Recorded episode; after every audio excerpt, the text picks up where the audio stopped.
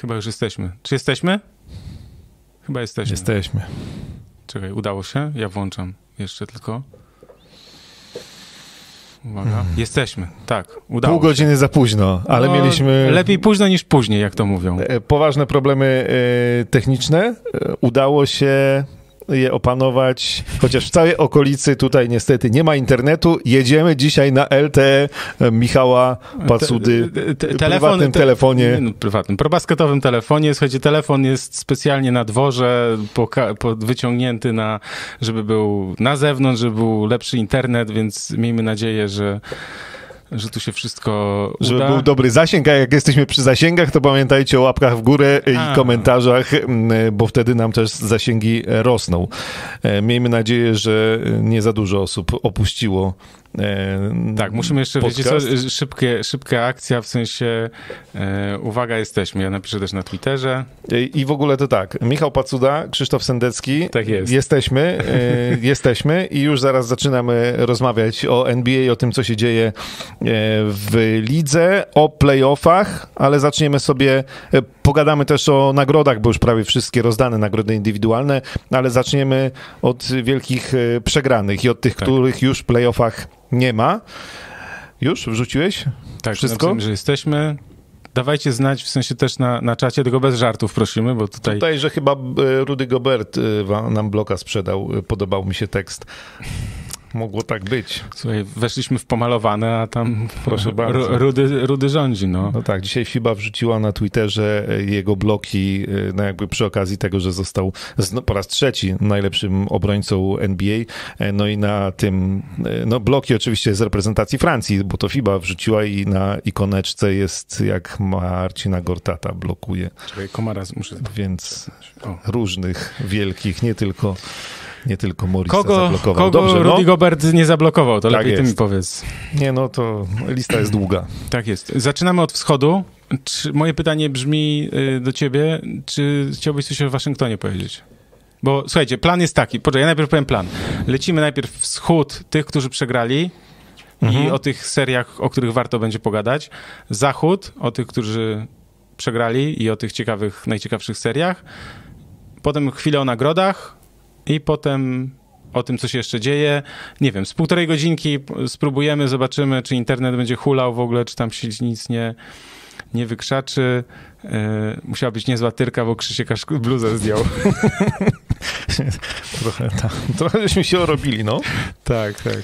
Krzysiek chciał te kable od internetu tutaj ciągnąć z, z za morza, ale yy, udało się bez tego. O wschodzie. Tak. Nie, bo ja myślę, że te, te pary po prostu. Czy, czy coś o Waszyngtonie możemy mm. powiedzieć? Ja nie wiem, w sensie, czy ktoś ma coś do powiedzenia o Waszyngtonie. Coś ciekawego? Znaczy, tak. no, wiesz, to jak wiele innych drużyn, to jest pytanie o to, y, jaka będzie przyszłość Russella Westbrooka i Bradley'a, Bradley'a Billa i co w Waszyngtonie y, y, zamierzają zrobić, ale myślę, że są ciekawsze drużyny do opowiedzenia. Tam na razie, no, ja się martwię wciąż o Bradley'a Billa, żeby nie zmarnował sobie chłop całej kariery w Waszyngtonie, bo tam mam wrażenie niczego, nic ciekawego się nie wydarzy. Russell Westbrook jeszcze jeszcze pokazał, że jeszcze trochę e, potrafi e, i jeszcze trochę starego Russella Westbrooka, tego MVP jest w Russellu Westbrooku. Jeszcze ten natomiast, dynamit w nogach drzemie. Tak, natomiast e, no Wizards wyglądali słabo i absolutnie poza jednym wygranym meczem z Filadelfią, gdzie w trakcie spotkania wypadł Joel Embiid, no nie mieli nic do powiedzenia w tej serii, więc, więc tak to zostawmy. Myślę, że większą niespodzianką, niespodzianką, znowu nie do końca niespodzianką, bo też mówiliśmy już widząc pierwsze mecze w rywalizacji Atlanty z Nowym Jorkiem, jest to odpadnięcie Nowego Jorku. Widzieliśmy, że Atlanta jest po prostu lepsza, że sezon zasadniczy to swoją drogą, a jak przychodzą playoffy, to jednak coś tam się dzieje. Ja między bajki wkładam, o tu mam do powiedzenia o Nowym Jorku, to proszę bardzo, nie tam Wizards jakiś. E, między proszę. bajki wkładam e, wszystkie teksty w stylu, że e, Tom Thibodeau zajechał chłopaków i znowu wszystko zepsuł na koniec. Ja, ja jestem za tą tezą, że wyciągnął absolutnego maksa z tej drużyny, że e, dostał nagrody dla najlepszego trenera i e, ja pamiętam, że typowałem Thibodeau, ty chyba też, czy nie? Nie, nie a nie. Ja bo, Montego. No tak. Ja typowałem Thibodeau, bo uważam, że e, to jest jakby z najmniejszego potencjału wyciągnął najwięcej. Tutaj ten, ta, ta różnica między potencjałem w zawodnikach, jaki miał, ten talent tak zwany, a e, wynikami to tu jest, tu jest najwięcej i, i to jest absolutnie zasługa e, Tomati Bodo. E, no chociaż w playoffach no już najlepszym zawodnikiem New York Knicks był Derrick Rose. A nie, to, a nie Julius. tak, no co jest fajne, ale jednak chyba liczyliśmy na trochę więcej. E, No i Atlanta zdecydowanie, zdecydowanie lepsza jako, jako drużyna. Ty widzę, cały czas coś tam Ja, piszesz. tak, ja, bo ja po prostu odrabiam lekcję pracę domową, czyli wszędzie piszę, że jesteśmy na Facebooku, A na to ja grupie. będę gadał dalej. Tak, to możesz mówić dalej, O, Maja- ale poczekaj, bo no. Nowy Jork, y, ja spotkałem się z taką opinią, że Nowy Jork był dobry w sezonie, bo był, do, bo był dobrze przygotowany do każdego meczu. Okazuje się, ktoś tak powiedział, że okazuje się, że jak trochę się przygotujesz do każdego meczu i pobronisz, to jesteś w stanie dużo więcej wygrać niż w sezonie, kiedy wiesz, czasem nie ma czasu się przygotować, bo grasz dzień po dniu, matchupy i tak dalej. Natomiast w playoffach trochę wyszło wyszło to, że Nowy Jork dobrze bronił w miarę, ale miał ogromne problemy z atakiem, bo tam nie ma graczy ofensywnych, tak? Znaczy zamknięcie Randla spowodowało, że oni nie wiedzieli, co mają ze sobą zrobić, tak? No tak, jest- to mówiliśmy, Tak, że no. jakby bez e, Randla, bez e, RJ Barreta e, to się nie może udać. No i No tak, ale też wyszło to, że Julius Randle jest strasznie jednostronny. tak, no Ma, tak. te, ma swoje te manewry fajne, skuteczne one są, ale nie w momencie, kiedy no, jest seria playoffów i rywal się na ciebie przygotowuje, bo mm, nie masz opcji numer dwa, numer trzy, numer cztery, tak? Tak, e, ale tu mam wrażenie, że w Nowym Jorku też już, bo oni jak poprzednio się spotykaliśmy, to już byli blisko odpadnięcia i mm, ja jeszcze miałem nadzieję, że oni jeden mecz u siebie wygrają. Nie wygrali, skończyło się 1-4. O Miami e, to mówiliśmy, bo oni już e, odpadli poprzednio, więc tutaj już chyba nic więcej do tego nie dodamy. No i zostają Boston Celtics i to jest taki temat, przy którym możemy powiedzieć, że w Celtics zmiany, zmiany, zmiany i to takie, mm, których mam wrażenie e, nikt się do końca nie spodziewał, bo mm, Ale ta akcja z zmianą trenera, znaczy, że, że Brad Stevens poszedł na gen- Tak. generalnego menadżera i zwolniony został Danny Ainge, czy on odszedł sam, Czy, ale... o czym- Dan Ainge twierdzi, że wynik rywalizacji z Brooklyn Nets nie miał żadnego znaczenia i że to była decyzja przemyślana e, już przez wiele miesięcy i on się nosił z tym zamiarem e, przez wiele miesięcy. Pamiętajmy, że on pracował e, w Celtics od 2003 roku. Zbudował kilka razy bardzo silną drużynę z Bostonu, z tą najsilniejszą w 2008, kiedy, e, kiedy zostali mistrzami NBA. Wytykaliśmy mu ostatnio błędy i chyba pojawiało się najczęściej słowo, że przekombinował, bo kilka razy rzeczywiście e, przekombinował i w tym Tak. sezonie to było widać. Wiemy, no ale rzeczywiście to, że on odchodzi, to jednak jest zaskoczenie, a jeszcze właśnie większe jest to, że Brad Stevens e, po ośmiu latach bycia trenerem e, zastępuje danego Ainge'a jako dyrektor e, operacyjny do spraw koszykarskich, jak to się ładnie po polsku chyba nazywa. E, więc, Menago. e, więc będzie, będzie zarządzał organizacją. Pierwsze zadanie, znalezienie nowego trenera. E, więc to jest na pewno, było dla mnie zaskakujące, bo szczerze to nie spodziewałem się po bracie Stevensie, że ma takie e, w ogóle plany i zamiary.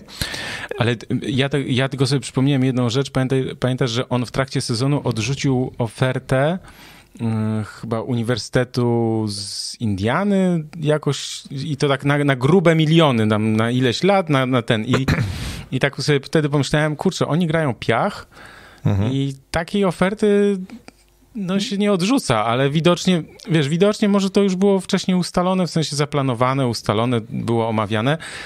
Mm, y, To, co ja zapamiętałem też y, z różnych analiz y, ESPN, to Kendrick Perkins powiedział, że, że jego, to, jego ta decyzja danego Ainge'a nie zaskoczyła, ponieważ y, no, oni są w dobrych relacjach, w kontakcie, rozmawiają dużo, często.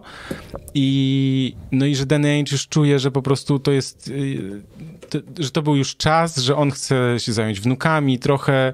Teraz sprawdzam, ile on ma, 62 lata. Wiesz co, ale ja też e, widziałem e, opinię, że on wcale nie wybiera się na emeryturę i pojawia się w ogóle Utah Jazz e, jako jego kolejne miejsce No widzisz. pracy, więc to też trochę zagadkowe, bo, bo ja właśnie, właśnie widziałem, że że to Że jest nie. wcale nie, nie, nie jest takie pewne, że Danny Ainge y, idzie sobie na emeryturę. Ciągnie wilka do lasu, no. Więc, e, więc zobaczymy. Natomiast też ciekawe jest, no, kto będzie w ogóle w Bostonie, bo pierwsza decyzja, tak jak mówimy, Brada Stevensa, znalezienie nowego trenera, pojawiają się nazwiska, no Jasona Kida to się chyba wszędzie, gdzie tylko się da, pojawia się e, nazwisko. Tak. Natomiast do Portland zaraz przejdziemy, bo tam było z nim ciekawie. E, Pojawia się nazwisko e, w ogóle Lloyda Pierce'a, który wyleciał w tym sezonie z Atlanty E, i zupełnie nie potrafił jakby poradzić sobie z tym potencjałem ludzkim, który miał w Atlancie Hołsk, e, więc nie jestem fanem. Natomiast no, zobaczymy, jak to będzie wyglądało.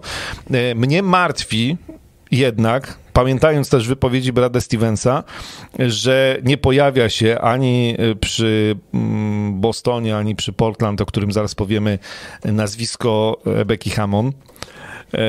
No ty jesteś fanem, ale to mi się wydaje, że to jeszcze nie jest ten moment. No dobra, tylko kiedy, kiedy jest ten moment? Nie wiem, czy kiedykolwiek No będzie. ja właśnie się zaczynam obawiać, że ona nigdy nie zostanie. Wszyscy będą mówić, że jest gotowa, jest gotowa i nigdy nie zostanie e, pierwszym trenerem. Ja bym to chciał po prostu zobaczyć.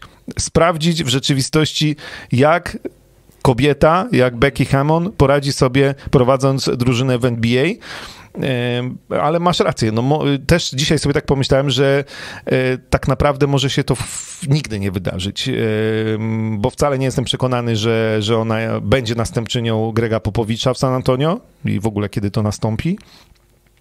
E, I też e, no, pojawiło się jej nazwisko jedynie w, w, na tej krótkiej liście w Orlando Magic, E, no ale to też od tego to jeszcze daleka droga. Natomiast Brad Stevens no, mówił kiedyś, że ona jest gotowa, ona chwalił Becky Hammond jako Wiesz, to, to Tylko, że gadka te- PR-owa, w sensie wspieramy się i tak jak, dalej, jak więc jest jest generalnym jakby... menedżerem, to trochę co innego. Natomiast w Bostonie jeszcze jest jedna ciekawa rzecz. E, No Kemba Walker podobno tak, jest właśnie na wrzuciłem na, wylocie. czat, właśnie wrzuciłem na czat artykuł dzisiejszy z ProBasketu.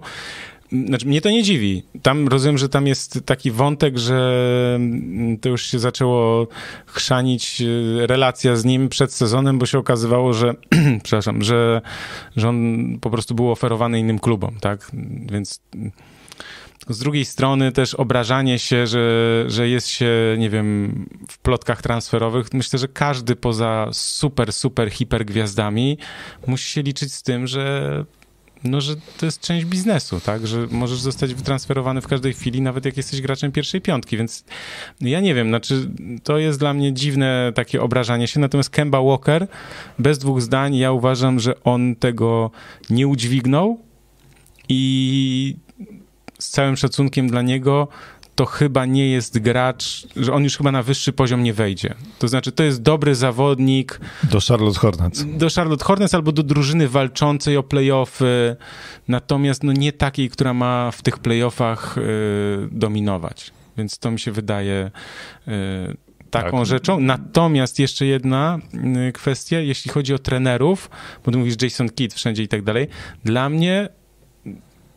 nie wiem, znaczy faworytem takim w ogóle do objęcia posady w końcu trenerskiej jest Sam Cassell, który z Houston Rockets zdobywał mistrzostwo y, NBA, który z Bostonem y, zdobył przecież mistrzostwo, co prawda tam ostatni Mhm, na ławce, ale, ale jednak... A pierścień jest? Pierścień jest. Y, I on był trenerem, znaczy asystentem trenera Słuchaj, w Washington Wizards od 2009 do 2014, potem w Los Angeles Clippers od 2014 do 2020, więc wiesz, to jest ponad 10 lat bycia asystentem i teraz Mhm. jest w Filadelfii asystentem. Więc dla mnie to, że on w ogóle nie został trenerem Clippers, to było zaskakujące. No ale powiedzmy, że Tyron Lu, no nie wiem, przekonał zarząd, miał mistrzowski pierścień z LeBronem, wiedział niby tam, miał jakieś atuty, że, że wie jak przeciwko LeBronowi grać, może taki, taki coś próbował sprzedać. Natomiast sam Cassell powinien być y, trenerem w NBA bez dwóch zdań. To teraz e, napisz to do Brada Stevensa. Niech, e, niech rozważy to. Ale rzeczywiście, to jest e, ciekawe nazwisko. Tych nazwisk więcej w ogóle mam wrażenie przy ekipie Portland jest, ale to też zaraz do tego dojdziemy. Tak, pozdrawiamy Keep the Bita. Łukasz wpadł, żeby zostawić lajka. Dziękujemy, pozdrawiamy. Jutro odsłucha całość. No dobrze. Y, Dla przypomnienia, jeśli ktoś się włączył teraz, bo jest dużo więcej osób teraz nas ogląda, mieliśmy bardzo duże problemy techniczne, bo internet tutaj w całej okolicy padł. i po prostu lecimy sobie na LTE z telefonu, co może być czasem problemem, więc jeśli będzie coś przycinać, to dawajcie znać Tak. e, i też przepraszam. no i w ogóle ale... dwa razy prąd wysiadł nam po 20 tutaj w- Tak. i to na całej ulicy, więc też jakbyśmy nagle zniknęli, To znaczy, że nie ma nie, że, prądu. to nie znaczy, że bomba wybuchła, tylko że po prostu y, nie ma prądu, że znowu nagle... Em, tak.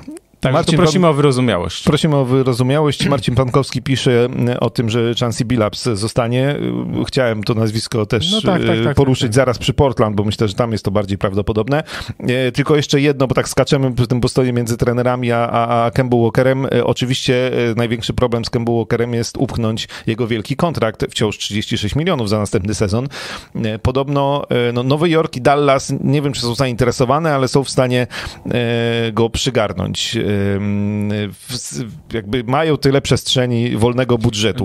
Kemba Walkera w Dallas? E, e, No, no, wiem, że jest niepotrzebny, znaczy wydaje mi się, że w Nowym Jorku też jest niepotrzebny, chyba, że e, no nie wiem, za no, jako pierwszy rozgrywający Derrick Rose, nie, wiem, dobra. No na ja- pewno ja nie w ci- Dallas. Znaczy w ja Dallas ci- to byłoby absurdalne. To ra- raczej jakaś tra- jakiś E, Ja ci, ja ci mówię, e, te drużyny, które są w stanie Nie, nie, ja zapłacić rozumiem, te oczywiście. 36 e, milionów.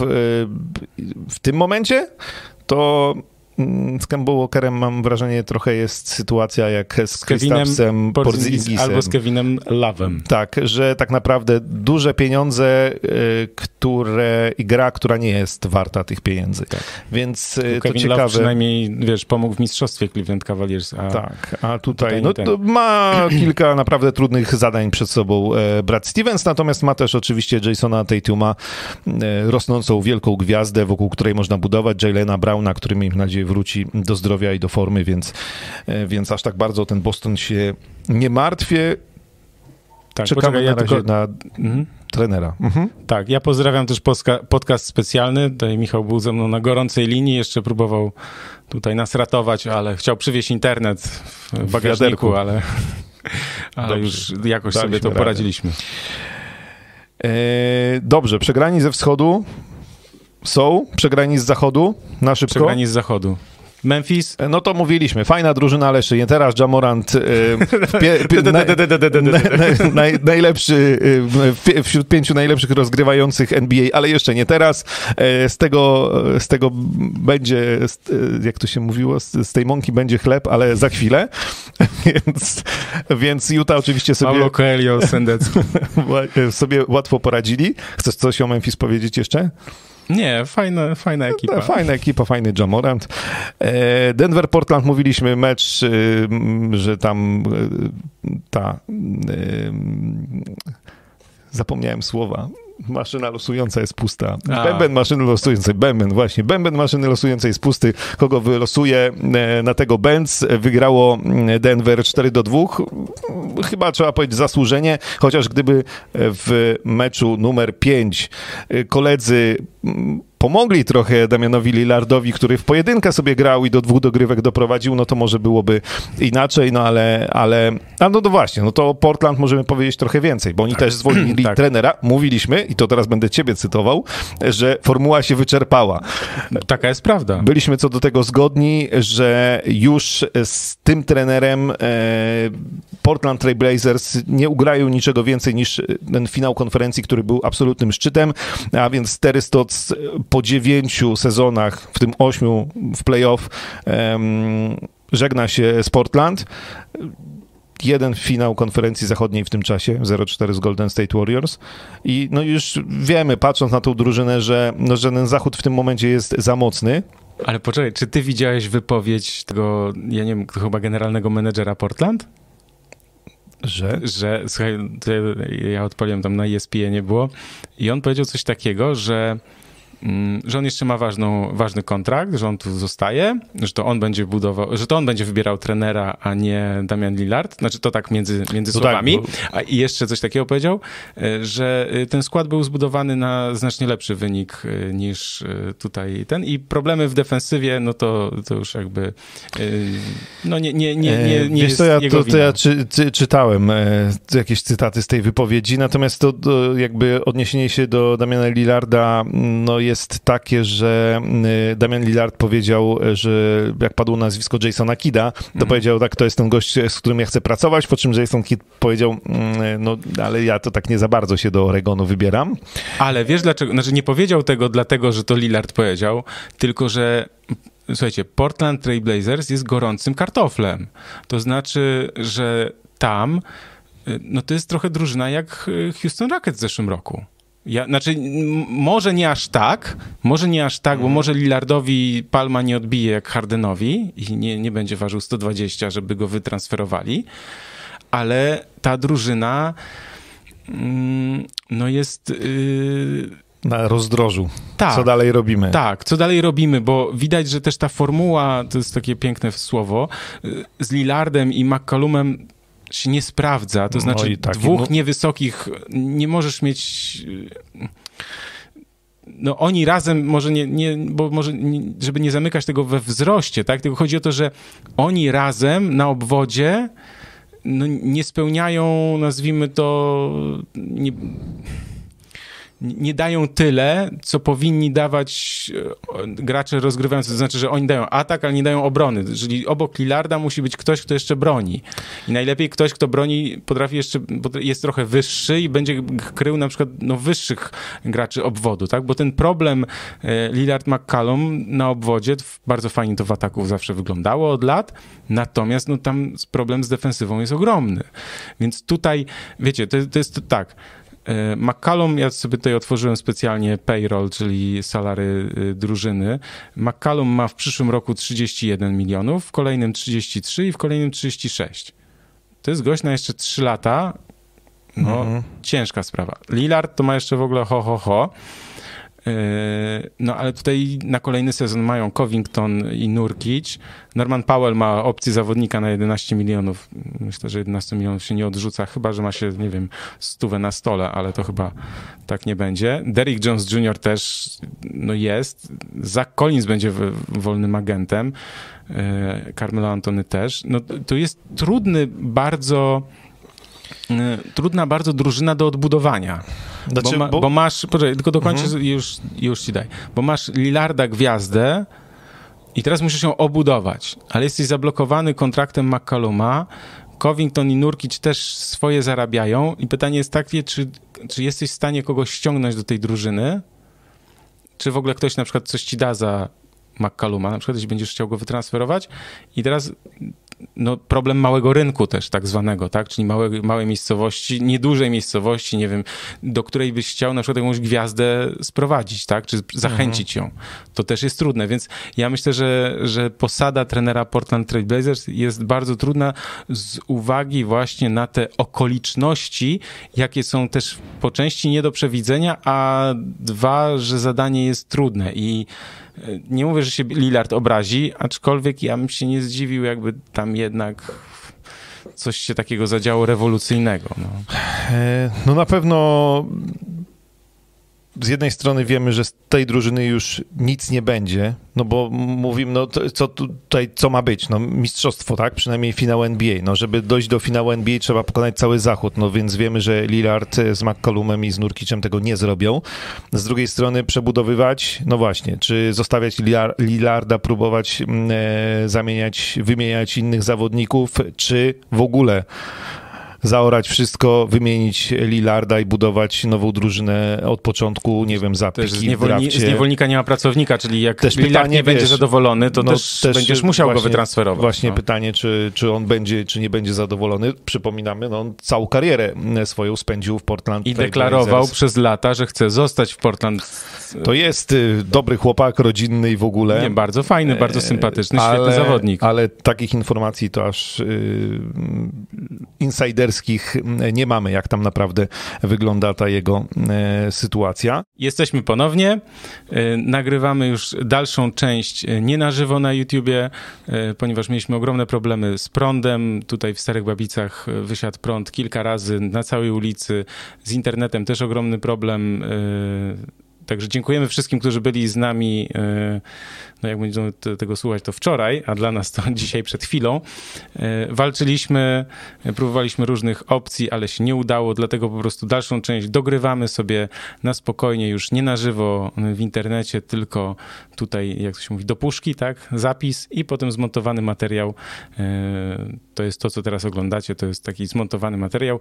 Nie będzie czatu na żywo, no ale temat, tematy będą wciąż aktualne.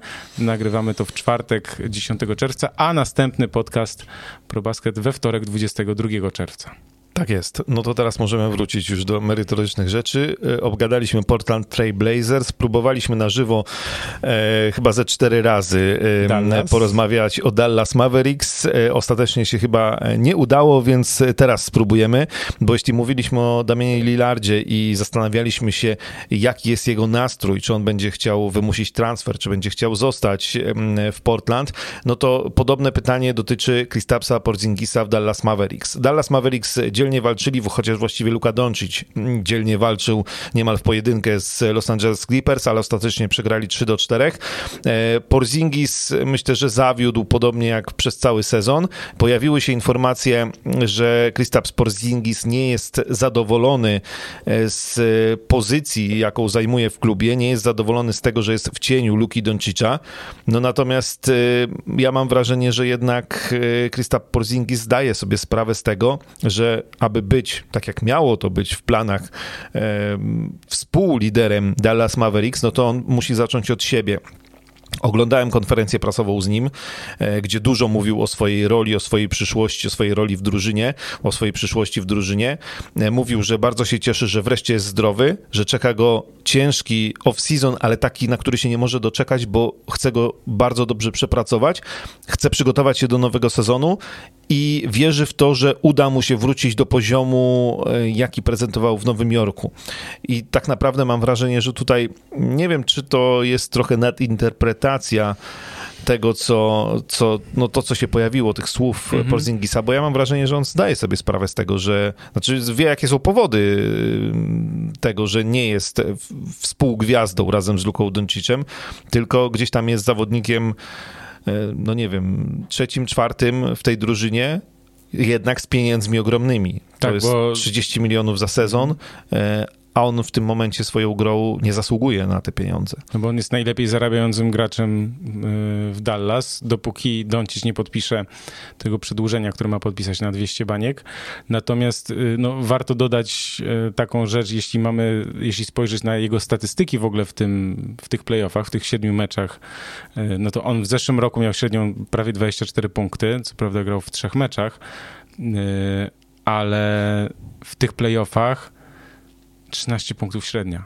Trzeci strzelec drużyny, no to na kogoś, kto zarabia tak ogromne pieniądze, to jest zdecydowanie za mało. No i też na centra, jednak centra, wiem, że wyciągającego... No, to, to bardziej on czwórka, ale...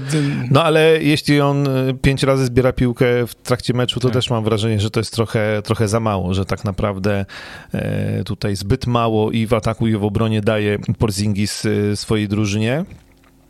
E... Wiesz, jeszcze, żeby. A, bo jeszcze jest jedna ważna mhm. rzecz, żeby on jeszcze rzucał super. A on w tych playoffach tak, e, to też... poniżej 30% za 3. Więc tak, ani nie wyciąga graczy tam w sensie rywala. No, no e, wyciąga, e, wyciąga, rzuca, tylko że pudłuje, nie? Więc tak. jakby to jest problem. Rzeczywiście z Porzingisem jest problem. Pytanie, no właściwie pytanie, co dalej z Dallas, bo no, wspomniałeś o tym, że podpisze, no pewnie podpisze Luka Doncic, bo powiedział, że z, z uśmiechem na twarzy do dziennikarzy, że e, już chyba znacie odpowiedź, no podpisze to 200 milionów, nowy kontrakt z Dallas Mavericks, mhm. a więc zostaje Luka Doncic i teraz pytanie, co wokół Luki Doncicza. My wiemy, że Mark Cuban przez lata współpracy z Dirkiem Nowickim e, kilka razy próbował mu zbudować drużynę e, która miała walczyć o mistrzostwo. Różnie się to kończyło, ale ostatecznie Dirk jeden pierścień w 2011 roku zdobył. E, czy tak będzie z Luką Doncicem? Na pewno Dallas czeka przebudowa. Pytanie, czy łącznie z wypchnięciem gdzieś Kristapsa Porzingisa. Tylko pytanie, kto go weźmie, bo on, ma, bo on ma w kolejnych latach 31,5, 34, 36. Jeszcze opcję zawodnika ma w tym kolejnym, no, ostatnim roku. E, Tim Hardaway Jr. kończy mu się umowa. Nie wiadomo, czy dostanie dobrą ofertę od Dallas. E, Josh Richardson ma ofertę, ma opcję zawodnika 11,5 miliona. E, Dwight Powell zostaje. Ty popatrz, Kleber... Josh Richardson wymieniony za Seta e, Kerego i teraz jakby się Kerry przydał w tej drużynie. Tak. E, gość, który trafia ci trójki na poziomie 40 kilku czy 50 procent. Mm. Takiego zawodnika brakowało. To też no, trochę błędów no, takich transferowych. To, pozyskanie sprowadzenie Porzingisa też się okazało błędem, chociaż no, jak on przychodził, to wszyscy e, piali z zachwytu, że to będzie świetna e, drużyna. No niektórych rzeczy nie można pewnie przewidzieć. No tak, kontuzji i tak dalej. No, on był przecież nazywany e, jednorożcem, tak? W sensie był wyjątkowy, bo wzrost, bo ogromny potencjał, tak? Mhm. Słuchaj, ten chłopak jeszcze może się odbudować. To jeszcze jest, myślę, że jeszcze jest szansa na to, że, żeby on wszedł, wrócił do tego mm, naprawdę wysokiego poziomu, ale jeszcze ja tak spojrzałem w statystyki. Josh Richardson, słuchaj, 30% za 3 zawodnik, który no, a, miał być odrzuca, odrzucania z dystansu. A Steph tak? Curry w Filadelfii z głowy mówię, ale blisko 40, 50%. No, tak, a są takie mecze, że on trafia 5 na 6 trójek na przykład. Więc y, no... Dallas mają problem, bo yy, nie wiadomo, czy ktoś przyjmie Porzingisa, jeśli oni będą chcieli go wymienić. Nie wiadomo, czy zostanie Tim Hardaway Jr. Yy, pytanie jest takie, co wymyśli Mark Cuban. Mark Cuban zawsze jest tym mm, właścicielem, który kombinuje i który próbuje ściągnąć. Może być tak, że jacyś zawodnicy będą chcieli grać z Donciciem, wbrew pozorom, Mhm. Bo mimo, że on bardzo długo trzyma piłkę, że klepie strasznie dużo i tak dalej. I jeszcze jest jeden aspekt yy, podatków w Teksasie. To jest, słuchaj, to jest na ten temat bardzo takie już tam poważne prace są. Gdzieś na probaskecie ja spróbuję wyciągnąć, bo też yy, były takie artykuły kiedyś w przeszłości, że podatki, że 10 milionów w jednym klubie, a 10 milionów w drugim, to jest czasem ogromna różnica y, mhm. w tym, co ci zostaje do ręki, tak? Więc tam w Teksasie są dosyć korzystne, więc to też jest taki aspekt, który gdzieś powinien zachęcać do tego, żeby przyjść, natomiast no, to jest bardzo trudne będzie, żeby teraz ściągnąć kogoś na pewno, żeby żeby przyszli, żeby udało się, tak? No bo co prawda Luka Doncic też ma tylko 22 lata, więc to też jeszcze ma czas. Tylko, wiesz co, mi też, jak jeszcze możemy wrócić do tej rywalizacji z Clippers, fenomenalny oczywiście Luka Doncic. Jak trafia, to po prostu rewelacja, te wejścia, to tempo, kontrolowanie gry, to narzucanie, w sensie świetne. Ale słuchaj, ja policzyłem w tym ostatnim meczu ze 3-4 takie akcje, gdzie on albo nie obronił, albo nie wrócił do obrony, jak, a powinien, gdzie odpuścił po czym albo strata i punkty, albo było w ogóle takie, to się mówi akcja za cztery punkty, czyli nie, trafi, nie trafiłeś ty za dwa łatwego rzutu, a poszła kontra i, mhm. i wiesz, i, i straciłeś dwa punkty. I było kilka takich sytuacji. Ja wiem, że zmęczenie mogło odgrywać dużą rolę i tak dalej, natomiast y, też Luka Doncic musi się przyjrzeć sobie, bo trochę wyglądał jak e, LeBron James, który był, wiesz, Lebronowi to już po prostu tam wszystko opadło. No tak, tylko że to, wiesz, to też jak popatrzymy nawet na atak, myślę, że to wynika ze zmęczenia, z tego, że on musiał dużo rzeczy robić. Y, no była ta statystyka przy ostatnim meczu, mm, że w, y, z każdą kwartą on średnio zdobywa coraz mniej punktów, łącznie z tym, że w czwartej kwarcie w tej rywalizacji z Clippers zdobywał średnio 5 punktów.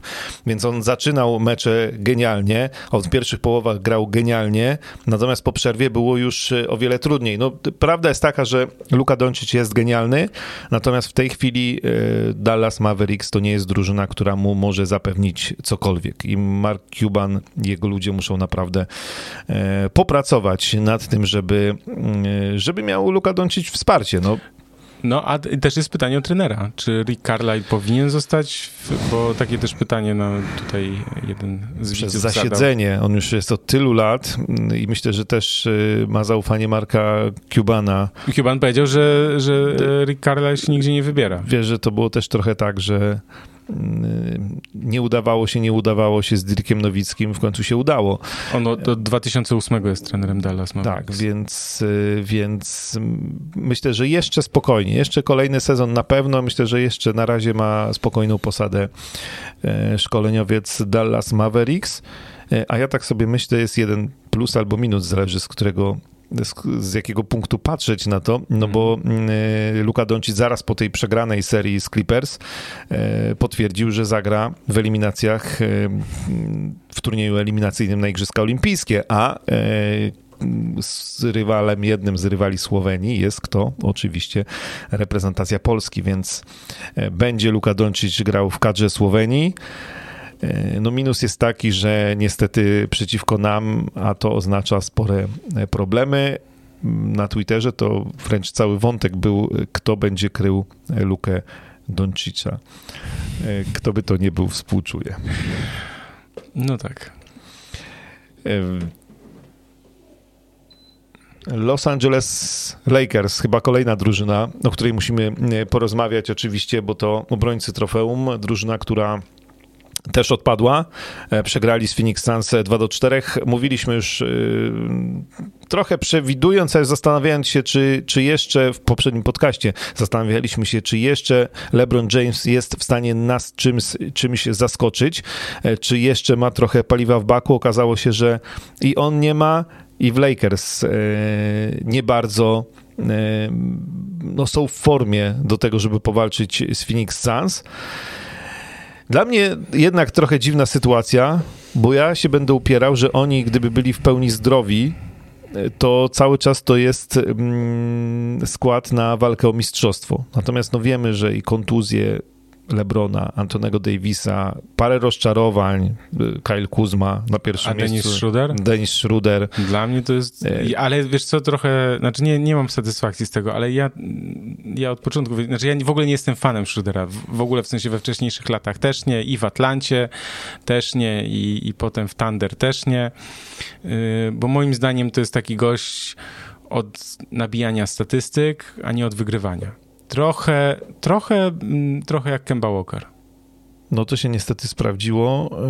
Niestety też... On oczywiście wygrał parę meczów, mm-hmm. wiesz, jak nie było Lebrona i, Davisa, natomiast no nie, nie w grze o, o najwyższą stawkę. Mnie zastanawia jedna rzecz, bo ty mówisz, że w pełnym składzie Lakers w przyszłym sezonie zdrowi i tak dalej. Tylko wiesz co, ja takie pytanie mam, to nie jest stwierdzenie, tylko pytanie. Pytanie, co to znaczy zdrowy LeBron James w przyszłym sezonie? No to jest coraz trudniejsze pytanie. Bo ja bym to widział w ten sposób. Lakers i w ogóle i, y, ja się bardzo zdziwiłem, jak on w zeszłym roku podpisał na te astronomiczne kwoty, w sensie, bo on w przyszłym sezonie będzie miał 41 milionów, a w kolejnym 44,5. I mnie to zdziwiło z jednego, z jednego powodu. Mi się wydawało, że będzie taka naturalna kolej rzeczy, że Anton Davis jest numer uno, najważniejszy. Tutaj to on, jakby LeBron jemu przekazuje takie bycie liderem, najważniejszą postacią drużyny. Natomiast dołącza do tego składu ktoś z ziomków, kumpli, bardzo dobry gracz w stylu Damiana Lillarda mhm. albo kogoś jeszcze innego, a LeBron no nie podpisuje tak olbrzymich pieniędzy, właśnie, żeby ten trzeci zawodnik, że Le, znaczy ja myślałem, że LeBron będzie chciał być tym trzecim w tym wieku. Czyli, y, że wiesz, że masz Davisa, kogoś jeszcze, kto jest naprawdę, nie wiem, Bradley Bill, y, ktoś taki z topu, jeśli chodzi o indywidualności, czy Damian Lillard. I on jako LeBron jako, jako trzeci. Natomiast podpisanie wiesz, na 40 baniek w przyszłym sezonie i na 44,5 w kolejnym, no troszkę nam ogranicza te możliwości. Mhm. Zdecydowanie, bo Kenta- Kentavius Caldwell Pop ma po 13 milionów, Kuzma też po 13 jeszcze w kolejnych latach. Wiesz, tam no oni mają team totals na poziomie w przyszłym sezonie 122, mając 1, 2, 3, 4, 5, 6 zawodników. Więc wiesz, no to jest. Yy... Oczywiście tam, tam są różne zależności, tak? Tutaj coś się tam liczy, tu się nie liczy, prawo Berda. No wiesz, mhm. w to nie wchodzę, bo, bo to jest dla mnie czasem zbyt skomplikowane. Natomiast ja jestem tym zaskoczony, że to w, tą, w tę stronę poszło, no bo jakby było wiadome dla mnie, że 38-letni czy 7-letni LeBron James, no nie będzie grał jak 32-letni LeBron James. I moje pytanie też jest takie, co to znaczy, że on teraz wróci, przepracuje całe lato, tak? Będzie miał, słuchaj, lipiec traktuje jako Ale wakacje i Space Jam. Nie, no pewnie, że nie. Mhm. E, Prze, dobra, przebimba cały, cały lipiec i sierpień, znaczy nie, nie ja to tak mówię w skrócie, tak, będzie na pewno mhm. lekko trenował w lipcu i jeszcze będzie odpoczywał, natomiast yy, wyobrażam to sobie tak, że on po prostu od sierpnia przygotowuje się do tego sezonu mocno i tak dalej. Tylko na jaki poziom on wróci? Czy on jest w stanie wrócić do tego poziomu sprzed roku? Sami no. mamy trochę więcej lat niż on i wiemy, że każdy rok. To jest coraz trudniej. Jest coraz trudniej w sensie o, o, o, o, o taką siłę fizyczną, o energię, yy, bo chęci zawsze są, tak? Mhm. Tylko potem ciało, ciało mówi, wiesz, odmawia czasem posłuszeństwa. No.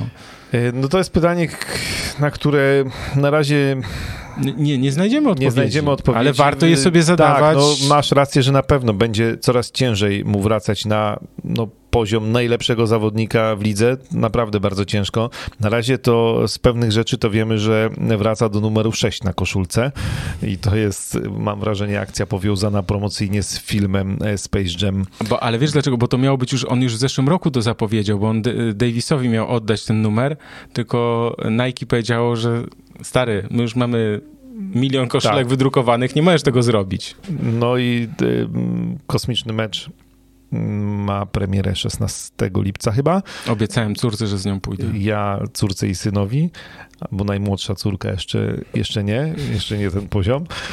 Natomiast y, no, gra tam z numerem 6 na koszulce, wraca do numeru 6 w Los Angeles Lakers, y, czyli numeru, w którym grał w Miami Heat, bo jak wiemy Miami Heat zastrzegli 23 Michaela Jordana, chociaż nigdy Jordan tam nie grał, ale to były jeszcze czasy, kiedy Miami nie miało żadnej zastrzeżonej koszulki. To, no to pie piękne, to ja to, ja to pamiętam, to jest moim zdaniem świetne. Tak, zastrzegli numer Michaela Jordana. E, więc, e, więc to, to jest rzecz pewna. E, a jak LeBron James będzie wyglądał w przyszłym sezonie, jak Los Angeles Lakers będą wyglądali, Montreal Harrell, o nim nie powiedzieliśmy.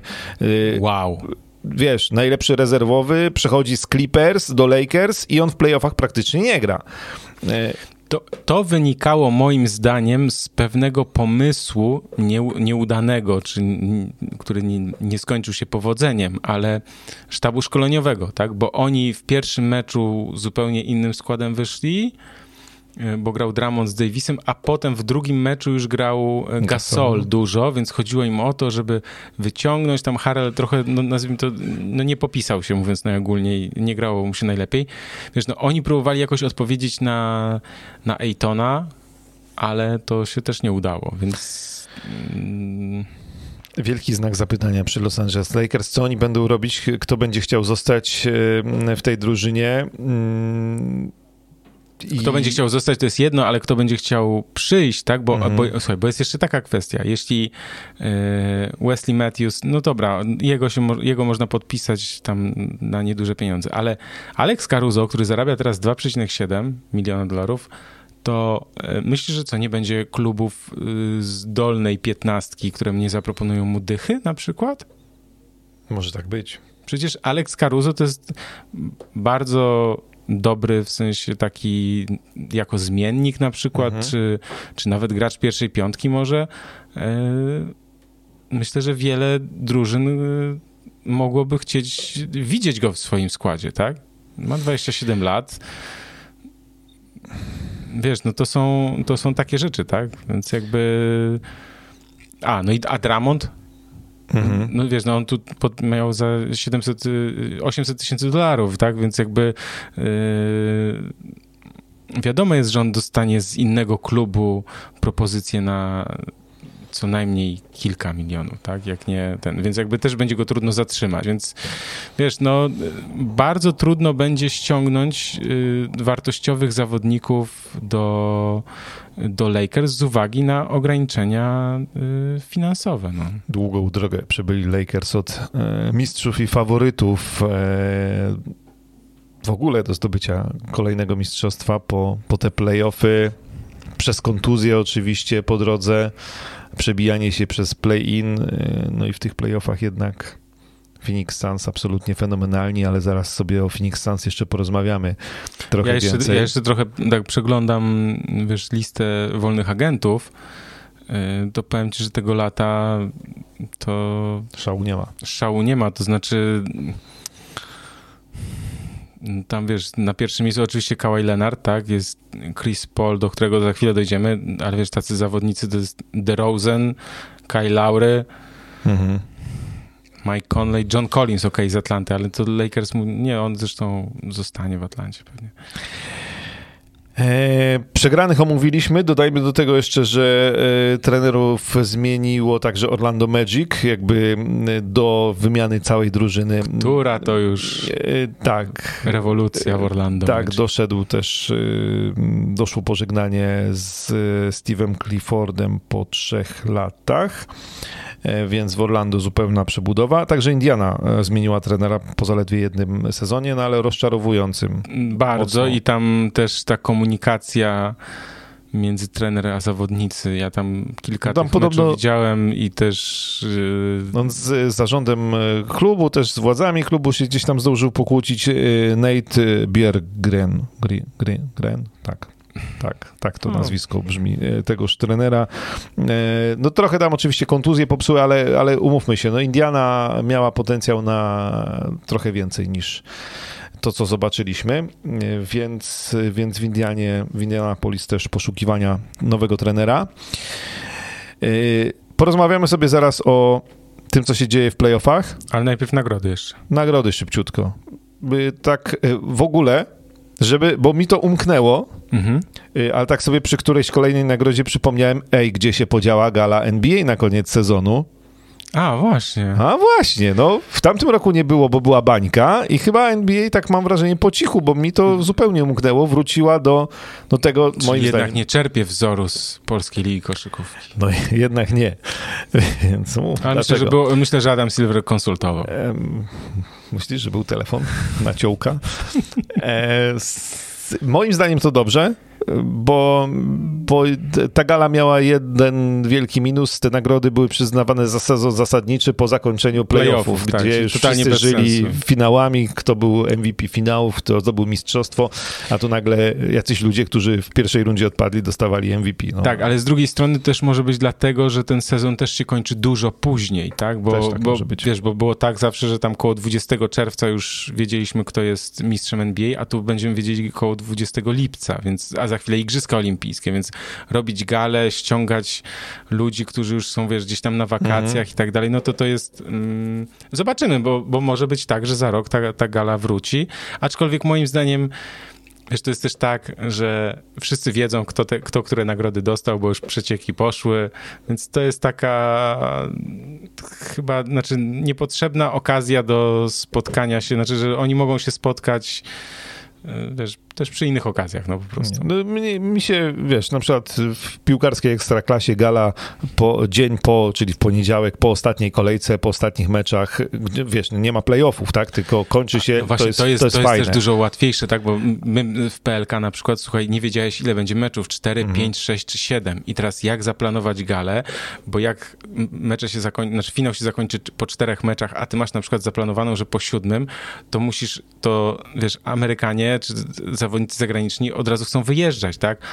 Zawodnicy, którzy kończą sezon, też są umówieni często ze swoimi żonami, że jadą na wakacje, tak? I teraz masz na przykład tydzień czekać jeszcze na galę, to też jest trudne, więc najczęściej było tak, że po prostu trzy dni po finale yy, trzeba było szybko coś, wiesz, organizować. No dobrze, nagrody. E, tak. Te, które, nieprzyznana jeszcze Rookie of the Year, mm, czekamy.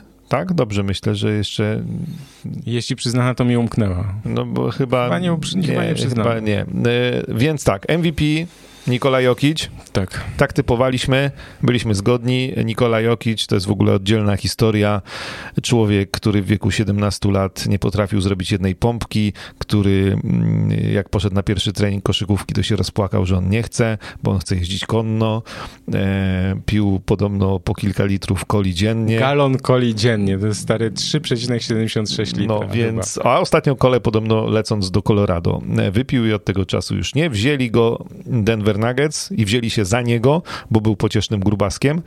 E, zrobili z niego potwora, chociaż talent i IQ koszykarskie pewnie trochę też ma wrodzone i niektórych rzeczy się nie nauczysz. Jest, jest absolutnie wybitny i jedyny w swoim rodzaju z tą swoją grą. Mhm. E, no i też taka ciekawa historia, bo on, on, oczywiście spał, jak był draft, y, bo to jest oczywiście też coś, co się pojawia najniżej, z najniższym numerem w drafcie wybrany zawodnik, który później zostaje MVP. 41 numer to jest druga runda draftu. E... Moses Malone był, ale on nie był w drafcie. Nie był w drafcie, tak. E, tak. No ale z draftu 41 numer, a w ostatnich w ogóle tam latach to już to takie historie się nie zdarzają. Nie, o, o, wcześniejsi byli z 15 Janis i Steve Nash. Tak, więc, więc to jest niesamowite i niesamowita jest też ta historia przy okazji draftu, że no bo jak z drugo, w drugiej rundzie cię klub wybiera, to nie masz gwarantowanego kontraktu. Nim się mniej więcej w tym samym czasie interesowała Barcelona, ale skauci gdzieś tam trafili na jego jakieś słabe mecze w lidze adriatyckiej, poprosili, znaczy powiedzieli, że się jeszcze muszą trochę zastanowić, e, no i Denver się nie zastanawiało, w czym udział miał Rafał Juć też, bo był tutaj z, tak, scoutem e, jakby Denver Nuggets na, na, na Europę i z, dobrze się znał z trenerem ówczesnym Nikoli Jokicza i to ten trener go tam też namawiał, bo, bo myślę, że wielu, wielu e, nie wierzyło w Nikolę Jokicza i tak naprawdę mało kto e, był w stanie przewidzieć, że on będzie dobrym koszykarzem, a co dopiero MVP. Myślę, że nawet... Ale to jest cała ta, przepraszam, ci przerwam, ale to jest cała historia Jokicza z, z Nurkiciem, bo Nurkic przecież był w tym samym czasie chyba wybrany w pierwszej rundzie. I oni w pewnym momencie doszli do wniosku w Denver Nuggets, że słuchajcie, ten gość z drugiej rundy jest lepszy od tego z pierwszej i to jego zostawiamy. Mhm. I dlatego tam został wytransferowany. To, to pamiętam, że była też taka rywalizacja i o to też Nurkic ma w ogóle za złe, tak? To jest też taka, taka jego prywatna, nazwijmy to, wojenka z Denver o to, że, że go oddali. No tak, ale Denver wygląda na to, zrobili dobrze, chociaż, chociaż myślę, że sam Nikolaj Jokic nie wystarczy y, w tych playoffach na nie. Na, na, na, na powalczenie o mistrzostwo, ale to zaraz, zaraz do tego przejdziemy. Yy, natomiast tak, mamy nagrodę najlepszego obrońcy sezonu, najlepiej broniącego zawodnika. Rudy Gobert po raz trzeci. No i to jest wielka historia, bo tylko dwóch zawodników cztery razy zdobywało. On po raz trzeci. Typowaliśmy chyba zgodnie Bena Simonsa, który zajął drugie miejsce. Ja chyba, ja chyba nawet Drew Holiday'a dałem. Tak? No tak, to, ja, ja, ja na pewno. To, wiesz co, ja dałem w przypływie tak zwanej ułańskiej fantazji. A no to do Milwaukee. Nie, Ben Simmons, y, po tym co też oglądałem ostatnio, y, przepraszam. No, więc Ben Simmons był e, drugi. E, natomiast e, Rudy Gobert, no też do tego dojdziemy. Jak oczywiście ja wolałbym Bena Simonsa, natomiast jeśli pytacie, czy Rudy Gobert jest dobrym obrońcą, to polecam ostatnią akcję e, meczu, pierwszego meczu z Clippers. E, to jest właśnie e, to, po co mm, Rudy Gobert jest w Utah i dlaczego zarabia tak wielkie pieniądze i dlaczego jest najlepszym obrońcą w tej lidze. E, no i chyba tutaj większych historii nie ma. Zobaczymy, czy no, trzy razy to już naprawdę jest wielki szacun. Mm, nawet jeśli jest się centrem i troszeczkę, powiedzmy, łatwiej tę nagrodę dostawać. E, szósty gracz, najlepszy rezerwowy. Ja mówiłem Derricka Rose'a trochę z przekąsem, ale chyba to wszyscy. Było jasne, tak. że Jordan Clarkson tak, zostanie. Oczywiście. Znaczy, ja tam bardziej chciałem niż ten Derricka Rose. A swoją drogą, Derrick Rose, no to jest historia, bo w głosowaniu na MVP e, jest 101 jakby głosujących, 100 Tak. dziennikarzy Jest, i, news, jest news na probaskecie jakby co. i, i jeden głos kibiców e, skumulowany. No i każdy przyznaje tam pierwsze, drugie, trzecie, pią, czwarte, piąte miejsca i za to są punkty. E, 91 pierwszych miejsc na te 100 od dziennikarzy dostał Nikola Jokic, natomiast jedno pierwsze miejsce, więc 10 punktów i bodajże dziewiąte miejsce, koniec końców w tym wyścigu po MVP, dostał Derrick Rose od kibiców. A więc kibice e, wybrali Derricka Rose'a na MVP sezonu. To, jaki fanbase ma Eee, Derrick Rose Gdzie było to wciąż... głosowanie? Na Twitterze? Mm, co, chyba tak, bo, bo ja szczerze powiedziawszy, ja to nawet yy, nie do końca, dopiero, dopiero Ja też to, nie- ja też nie wiedziałem, że- wiedziałem, ja nie nie wiedziałem, wiedziałem. że, że jest, wiesz, jeden głos należy do kibiców, Mhm.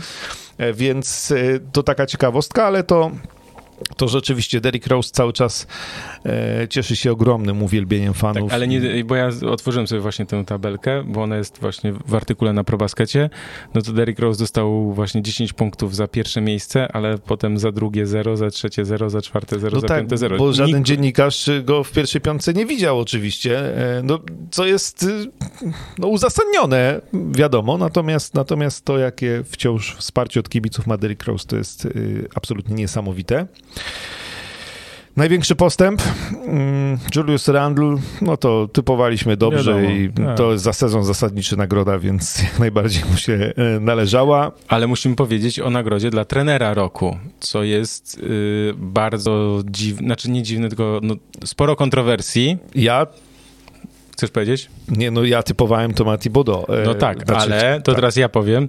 Tom Thibodeau uzyskał 43 mm, pierwsze miejsca, 42 drugie i 10 trzecich, łącznie 351 punktów. Monty Williams miał dwa głosy na pierwsze miejsce więcej, 45. Miał, ale miał dużo mniej, bo 32 na drugim i no więcej, 19 na trzecim, ale w sumie 340 punktów. Czyli zwyciężył trener, który miał mniej pierwszych miejsc, tak, od, od, od ale dziennikarzy. więcej punktów. Ale więcej za- punktów w sumie za też drugie miejsce, tak?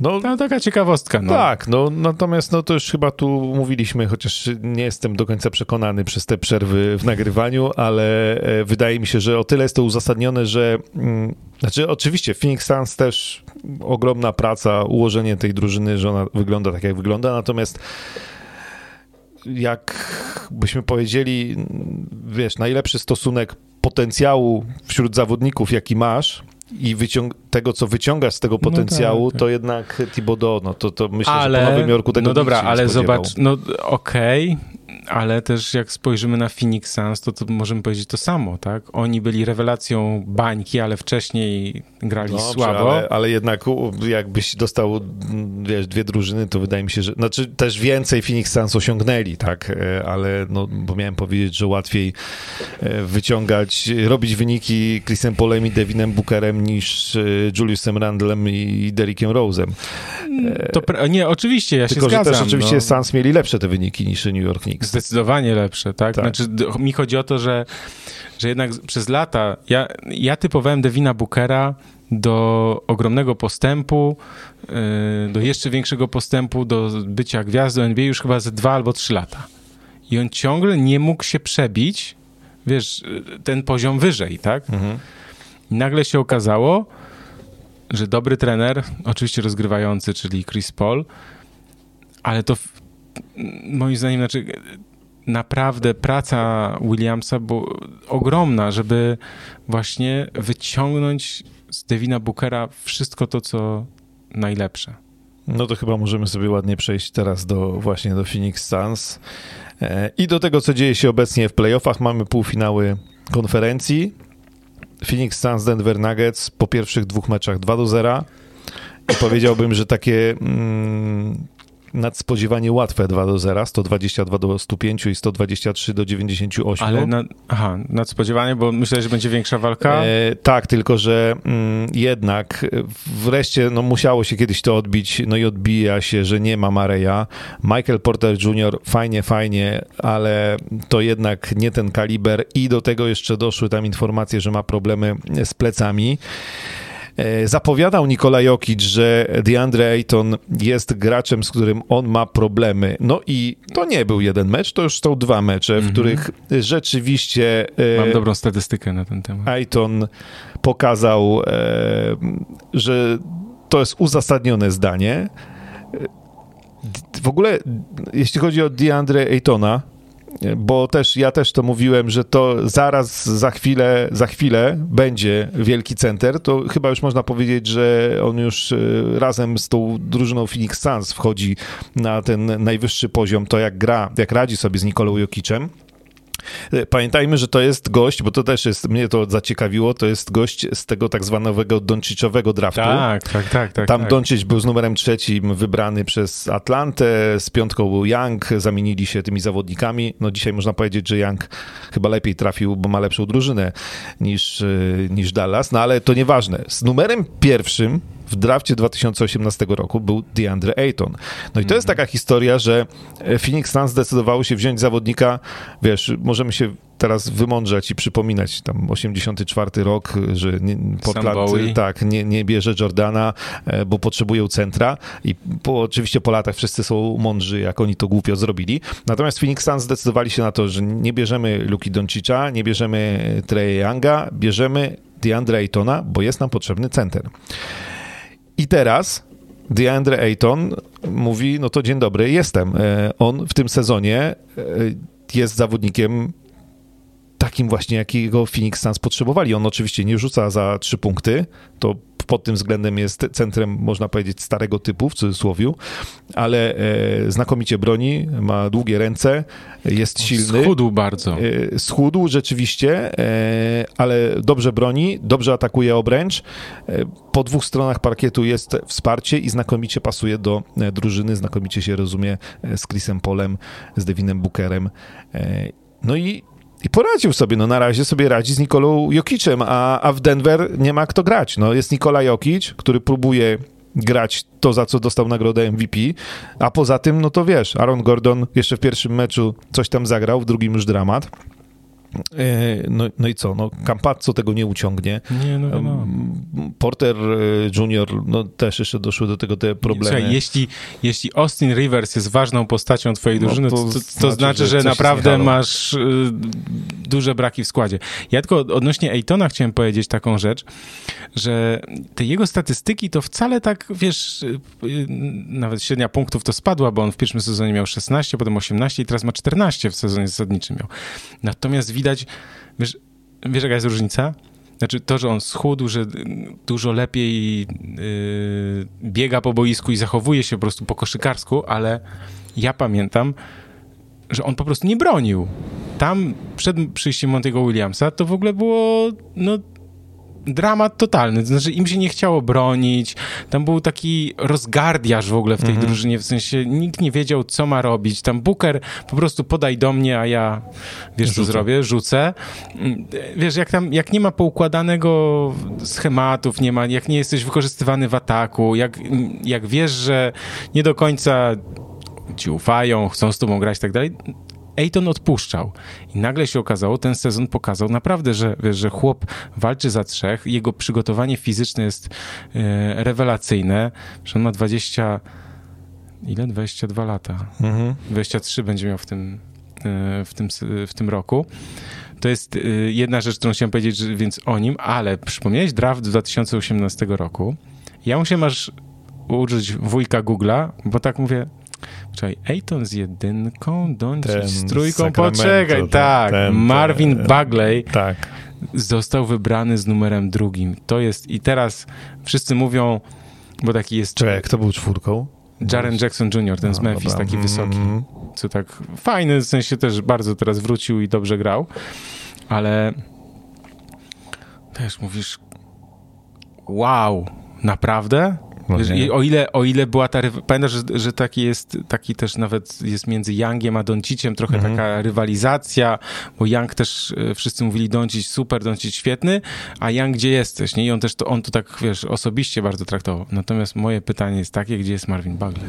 No to jest właśnie ta pomyłka draftowa e, z draftu numer Wiesz, 2018. znaczy, to jest chłopak, który miał ogromny potencjał. On chyba miał ostatnio problemy z kontuzjami, ale, ale to też pokazuje, że jak trafiasz do zespołu, który jest tak Mhm. totalnie niepoukładany i gdzie panuje totalny chaos i ty nie wiesz w ogóle, co masz robić i tak dalej, to, to możesz utonąć, tak? I ten talent, nawet jak masz talent, to on się może nie rozwinąć przez to, że po prostu gdzieś trafiłeś, wiesz, nie wiadomo gdzie. W ogóle ja polecam taką zabawę, jak ktoś jest fanem NBA od wielu lat, to polecam taką zabawę, że sobie wpisujesz na przykład NBA Draft 2016 albo 17, albo 15, albo 14 Tak, i patrzysz. i patrzysz i mówisz tak, czekaj, kto to jest, wiesz, Mhm. na przykład ten i ten, nie? Że w ogóle, nie wiesz, nie pamiętasz w ogóle zawodnika, nie? A się okazuje, że on na przykład był z czwartym albo z piątym numerem draftu, nie? To taka dygresyjka. Tak, patrzenie w stare drafty i w ogóle też zawodników później tam dalej y, w listę i kto zrobił karierę tak, właśnie z tych tak, y, na przykład tak, drugiej rundy, tak? E, dobrze, ale musimy przy Phoenix Suns powiedzieć o e, Chrisie Polu, bo nie byłoby tych Phoenix Suns, gdyby nie e, Chris Paul, który jest, e, był już bardzo dobry w sezonie zasadniczym, w playoffach na razie jest genialny. To jest gość, który w ostatnim meczu nie popełnił żadnej straty, to, to jest ideał rozgrywającego. Ja sobie dzisiaj sprawdziłem. Chris Paul ma średnie e, w, ze swojej kariery w okolicach dwóch strat e, na takim poziomie. E, Kerry, Naprawdę? Kerry, to że dużo? Że mało. Nie, no, no na poziomie 2,2 bodajże. Mhm. Dobrze myślę? Nie wiem, czy ja jeszcze sprawdzam. Spra- sprawdź. No tak. No i teraz e, e, też sprawdziłem parę innych nazwisk. E, Steph Curry czy Kyrie Irving w okolicach trzech. E, Russell Westbrook czy James Harden w okolicach czte, no, no, cztery powiedzmy, no ale pamiętamy mecze Russella Westbrooka, gdzie i 10 było tych strat, więc, e, więc e, pod tym względem to też jakby pokazuje u statystyki Chris Paul jest zawodnikiem wyjątkowym i szczególnie wyjątkowym jest w playoffach. 17 punktów, 15 asyst na no niemal idealnej skuteczności, bo on trafił 6 na 10 rzutów, w tym obie trójki, wszystkie rzuty wolne, więc 17 punktów, 15 asyst, 0 strat, więc taka statystyka 15-15-0. E, Jeśli chcesz jej poszukać w playoffach, to musisz się cofnąć do roku 2014 i wtedy oczywiście Chris Paul e, taki mecz zaliczył, a jeśli znowu chcesz e, poszukać dalej, to musisz się cofnąć do roku 2008 i to znowu jest Chris Paul. I to jest jeden zawodnik, który w barwach przy okazji trzech drużyn w playoffach zaliczył właśnie mecze z 15 punktów, 15 asyst, 0 strat. Więc pod tym względem jest niepowtarzalny, absolutnie fenomenalny. Ja przez wiele lat nie doceniałem Chrisa Pola, bo zewsząd było słychać, że on jest najlepszym rozgrywającym w lidze, natomiast on zawsze, e, no nigdy nie walczył o wielkie cele i oczywiście na, największe rozczarowania to były czasy Los Angeles Clippers. E, natomiast No tak, no ale to też wynikało z, No, oczywiście, z problemów że z kontuzjami. e, też wynikało z problemów z kontuzjami. Teraz Chris Paul powoli zbliżając się do końca kariery dowodzi drużyną Phoenix Suns, także ich ogląda się naprawdę z przyjemnością. I e, Chris, jeszcze jak policzymy 17 punktów, 15 asyst, to to jest ze 40 dla dobrego liczenia 3, niech będzie punkty, no to jest 60 punktów. On, e, to są jego akcje, tak? Albo jego ostatnie podanie, albo jego rzuty. Z- Więc połowa, połowa punktów, można powiedzieć, autorstwa Chrisa Pola, nie licząc tych wszystkich, gdzie on m, powiedzmy ma tą asystę drugiego stopnia, no i też nie traci piłek, a więc też jakby nie oddaje punktów e, rywalom, czy po prostu przez niego drużyna nie zdobywa, więc... No rozumiem. no, je- Do brzegu. Jestem, Te, te peany. Jestem, myślałem, że nigdy tego nie dożyję nigdy tego nie powiem. Jestem absolutnie zachwycony tym, jak gra y, Chris Do Paul. tej pory, na razie. Y, Do tej pory na razie. Y, Jak gra w końcówkach. Jak, No jasne, to, tak. to jest w ogóle, wiesz... Zgadzam się. Natomiast jeśli spojrzeć na statystyki z playoffów, to oczywiście on w tym sezonie ma 1,3 straty, natomiast Mhm. w tych wcześniejszych latach było 3,3 i 3,4. Więc już tak trochę wiesz. E, jedna rzecz odnośnie Chrisa Pola. Ja też, znaczy ja się bardzo cieszę, w sensie ja uważam, że on zasługuje na to. Ty, a jakby była taka historia, na przykład, yy, wiesz, to jest, ja nie typuję takiego finału, bo cały czas trzymam się tego, że Philadelphia Clippers, póki jeszcze są yy, w finale, ale popatrz, na przykład yy, Phoenix Suns w finale konferencji z Clippers, Chris Paul przeciwko, przeciwko swojej byłej drużynie. I w decydującym a, szóstym meczu naciągnięcie. Przestań, ale później awans do finału i z Brooklyn Nets i Chris Paul przeciwko Blake'owi Griffinowi, albo e, Clippers awansujący do finału i, I, z Philadelphia. wtedy, ale nie, ale Blake Griffin przeciwko Clippers. To jest w ogóle, A. jaką on by miał motywację po tym, jak oni go potraktowali, mm. więc tam jest, jest tyle historii, e, to, które to, się to mogą, dobre, to mogą no. wydarzyć. No. Że... Albo Chris Paul przeciwko Dokowi Riversowi. Też, oczywiście, więc jakby jest, jest, jest mnóstwo, mnóstwo historii, które, które mogą się jeszcze, mogą się jeszcze wydarzyć. Ja odnośnie tej serii jeszcze Bucks y, Nuggets, to mam taką tutaj ciekawostkę. Y, czy wiesz, ile najwięcej... Suns Nuggets. Suns Nuggets, tak. Mhm. Y, najwięcej tak zwanych end one'ów, czyli akcji 2 plus 1, bo pamiętasz, tre, trener Malone był po meczach o tych ostatnich właśnie bardzo mhm. wkurzony i słuchaj, w 2019 Bucks y, zdobyli 9 razy end one, czyli 2 plus 1, w tym właśnie teraz w poniedziałek Suns 8 i wcześniej 8 też mieli Lakers w 2000 roku w finale NBA. Więc jakby to też pokazuje... Mm, problem z obroną Denver Nuggets, bo jak to się mówi, że jak już faulujesz, to sfauluj tak, żeby nie było punktów. Mm. To jest taka jedna taka ciekawostka. Natomiast jeszcze wracając do Ejtona i Jokicza, bo to, to jest rzecz, którą e, teraz będziemy się jeszcze przyglądać cały czas, no bo myślę, że kibice Denver Nuggets jeszcze liczą, że Nikola Jokic mm, będzie w stanie coś zrobić. Bardzo ciekawa statystyka z tego sezonu, sezonu zasadniczego. Jokic przeciwko Ejtonowi 13 na 35 mhm. z gry. 37%. Natomiast Jokic przeciwko wszystkim innym graczom Phoenix 18 na 26, 69%. To, to się potwierdzało w tych pierwszych meczach. Znaczy tak. Jokic niby nieźle, natomiast no nie jest to zawodnik, który e, wygrywa mecze. 22-24 punkty, poniżej 10 zbiórek. Ta skuteczność też, tak jak mówisz, nie no, w drugim meczu miał 13 zbiórek, ale e, też mało asyst. E, to, z czego no, jest znany i ta skuteczność też na takim poziomie dosyć przeciętnym jednak.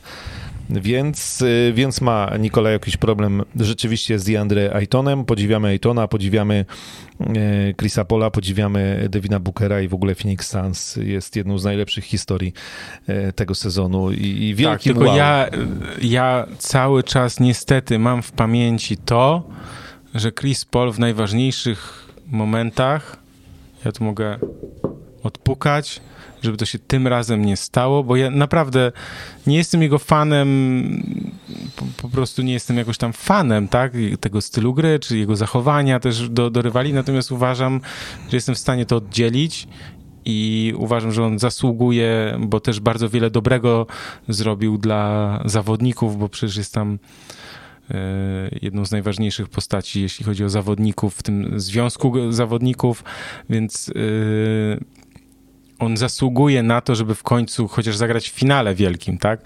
Natomiast naprawdę zatrzymajmy się z tymi zachwytami i obtrąbieniem sukcesu, bo to dopiero druga runda. No dobrze, no, zatrzymajmy się. Natomiast, natomiast na, razie, na razie wygląda genialnie i też um, Zgadza się. bardzo zrobiło to na mnie duże wrażenie, to jak koniecznie chciał grać w serii z Lakers mimo, mimo kontuzji, jak on jest zmobilizowany, zdesperowany wręcz, żeby... Oj, no, troszkę tam, wiesz, tego PR-u amerykańskiego no, troszkę, no, troszeczkę troszkę bajery. Tam... tak, ale, ale, ale Chris Paul na pewno ma sporo do udowodnienia. No i może rzeczywiście wreszcie mu się uda zagrać z Phoenix Suns w finale NBA, to co się nie udało w Los Angeles Clippers. Mm, no a Los Angeles Clippers zaczęli serię z Utah Jazz po, po ciężkiej serii z Dallas, o czym mówiliśmy. To się nie dziwię, że mieli troszkę, E, troszkę w nogach. Tak, mieli w nogach, przegrali 109-112, mecz, który mogli wygrać, mecz, który do przerwy prowadzili. Ani Clippers mnie w tym meczu nie zachwycili, ani też Utah Jazz mnie nie zachwycili.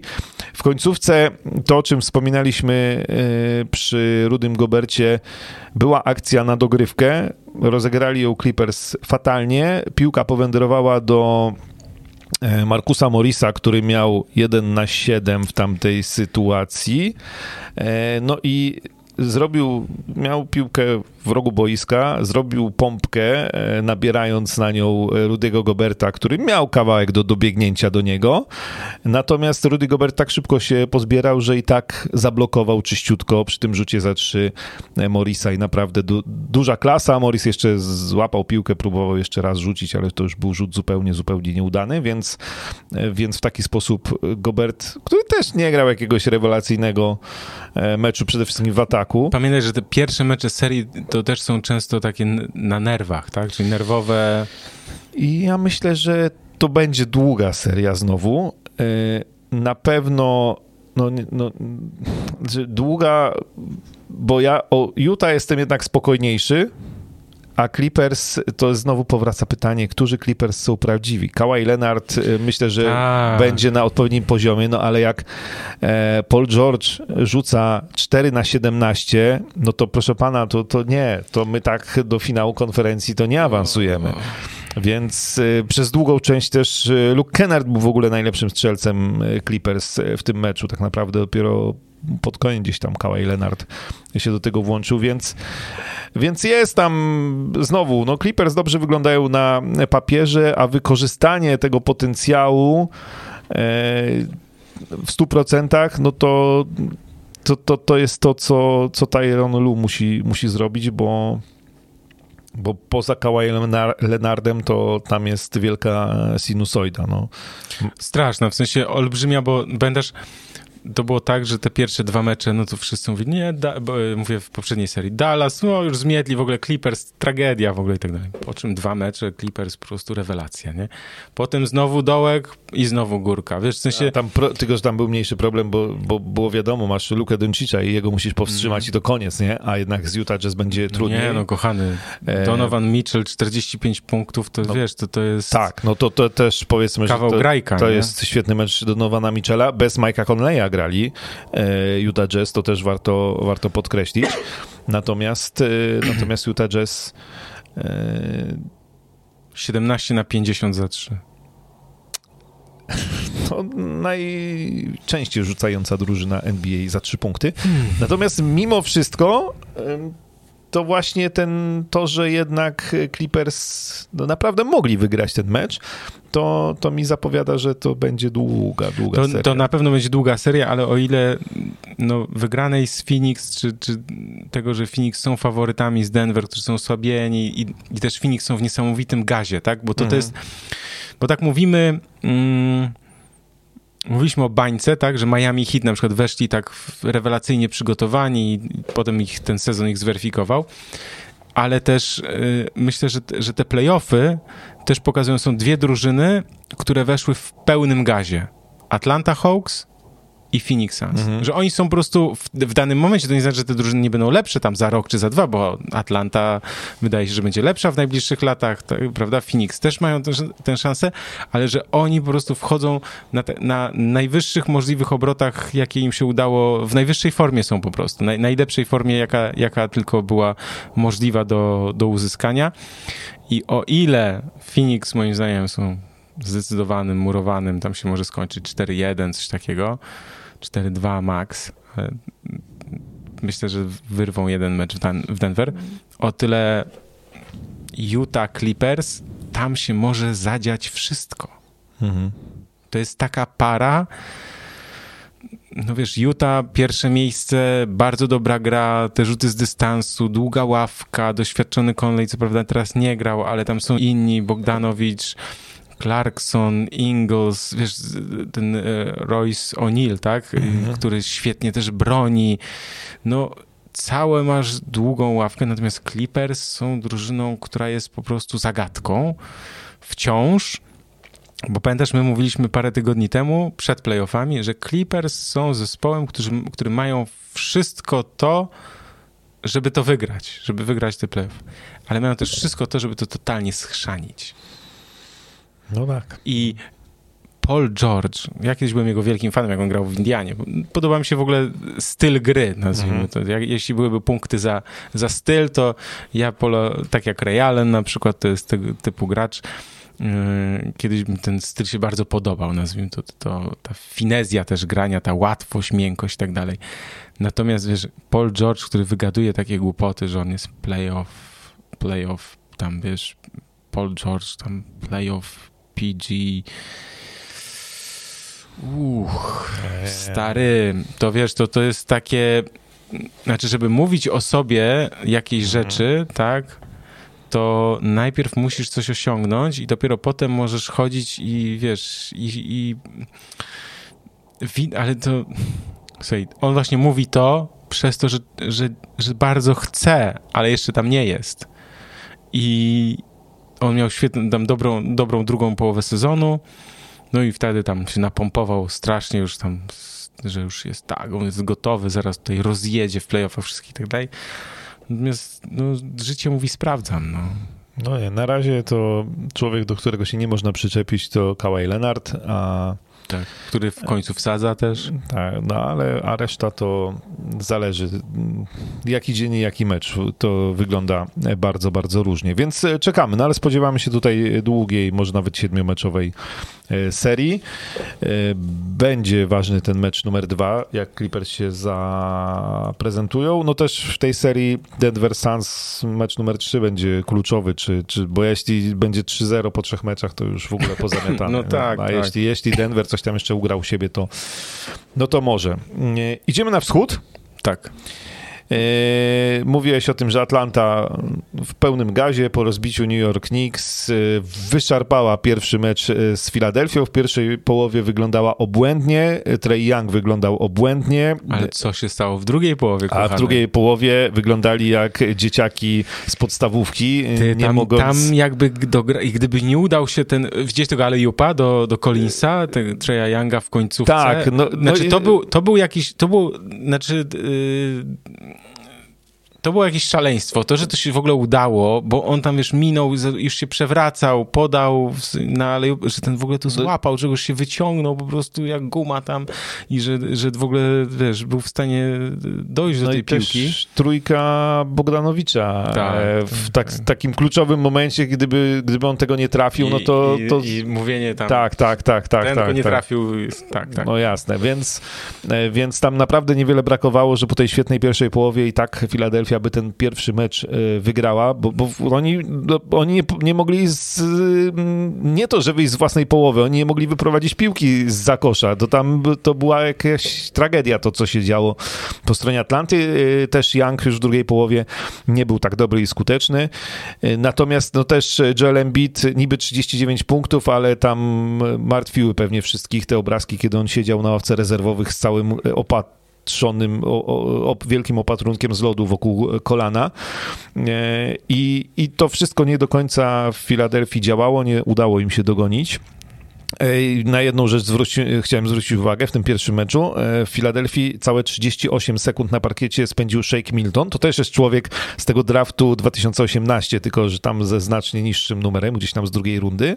Mhm. A mówię o tym dlatego, że to jest też człowiek, który e, w drugim meczu właściwie wygrał e, ten drugi mecz Tak. Filadelfii. 14 minut na parkiecie, 14 punktów, 4 na 5 za 3 i to te trójki trafiane w bardzo e, ważnych momentach. I bo w tym, współczynnik plus minus plus 15. tak, bo, bo ten drugi mecz Filadelfia wygrała 118-112, Tak. doprowadzając do remisu. E, Natomiast e, oczywiście bardzo dobrze zagrał Embiid, 40 punktów. e, Ustawiał już Clint'a Capelę jak chciał. Natomiast to znowu był mecz, który mógł się różnie skończyć. Gdyby nie, nie Shake Milton, bo mam wrażenie, że to właśnie on wygrał to spotkanie Filadelfii. No, szczęście trzeba mieć. Jak się gra w basket, to szczęście trzeba, trzeba, mieć. trzeba, trzeba mieć. E, Więc e, wiesz, w tej serii ja, ja się cały czas będę twierdził, że, że Filadelfia e, i to tak ze 4-2. Stawiałem przed 4-1, ale już na Twitterze całe, całą drugą rundę obstawiałem po tym pierwszym meczu, więc postawiłem 4-2 dla Filadelfii Mm -hmm. I, i, tego się, i tego się trzymam. Fajna, fajna Atlanta, fajny Galinari, fajny Bogdanowicz, Lou Williams nieobecny na razie w tych playoffach. DeAndre Hunter kontuzjowany, jego tak, nie ma, tak. więc to jest też trochę strata dla, dla Atlanty. Ale Atlanta ma fajny skład na kolejne lata. Misia z tego nie będzie, ale...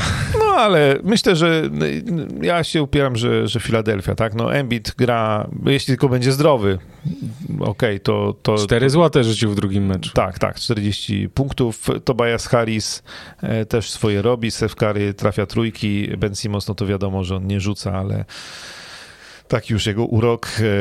Ale jakie on ma niesamowite możliwości, jakie ma panowanie nad piłką, wiesz, to, bo on jest chyba leworęczny, ale on jest chyba praworęczny w ogóle, taki, że tam jest, on, on jest chyba oburęczny po prostu, w sensie takim, że on robi lewy dwutak, niby lewą ręką rzuca, ale to panowanie nad piłką, wiesz, bardzo chętnie przekłada sobie do prawej, ma ogromną łatwość, te minięcia naprawdę są świetne, tylko no jest problem z rzutem. Z rzutami wolnymi. No. No, no, że trójek nie trafia, to wiadomo, ale rzuty wolne e, to, to się nie da tak dramat. tak grać. To no. się nie da tak grać. Niestety. A to jest w ogóle problem nie tylko jego, bo to, no to i Luka Doncic chociażby o tym też Tak, właśnie, nie powiedzieliśmy o tym, że Luka Doncic ma, te, to jest zaskakujące, i, ale to wychodzi, z, to jest psycha. Czekajcie, mam komara tutaj znowu kolejnego.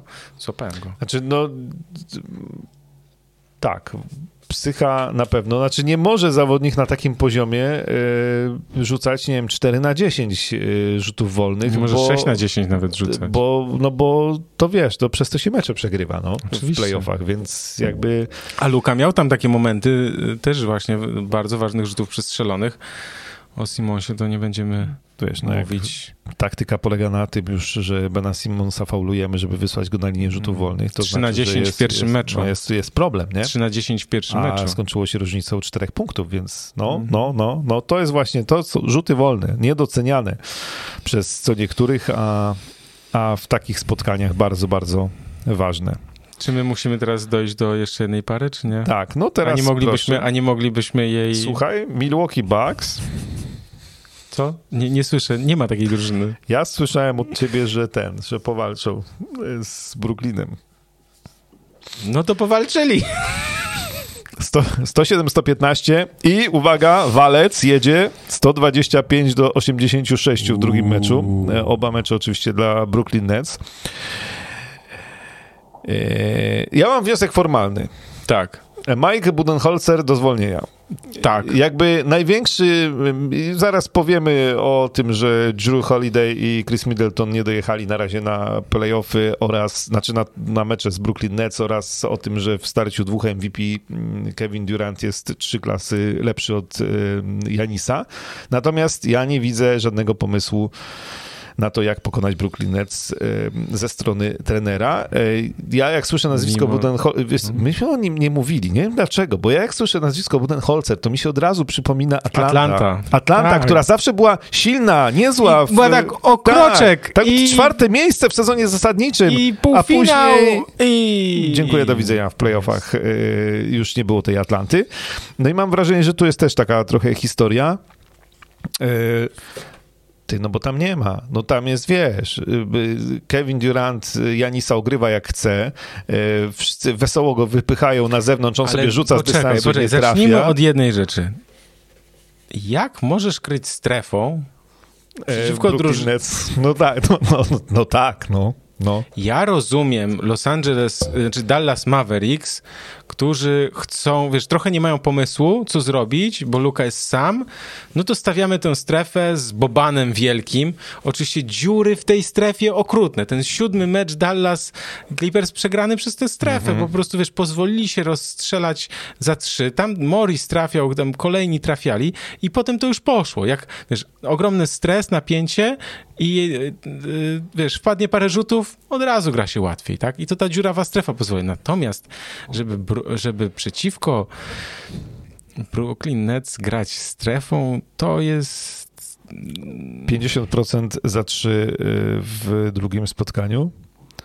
Y, No więc, jak to się ładnie mówi, y, strefa rozbita w drobny mak. Rozjechani, w sensie... No nie, nie, nie. No dlatego no, jakby pomysły, pomysły w ogóle na to, jak pokonać Brooklyn Nets, to są mm, delikatnie mówiąc bardzo nietrafione, albo nie ma ich w ogóle. Chyba nie ma ich w ogóle. No, wiesz co, ale teraz tak.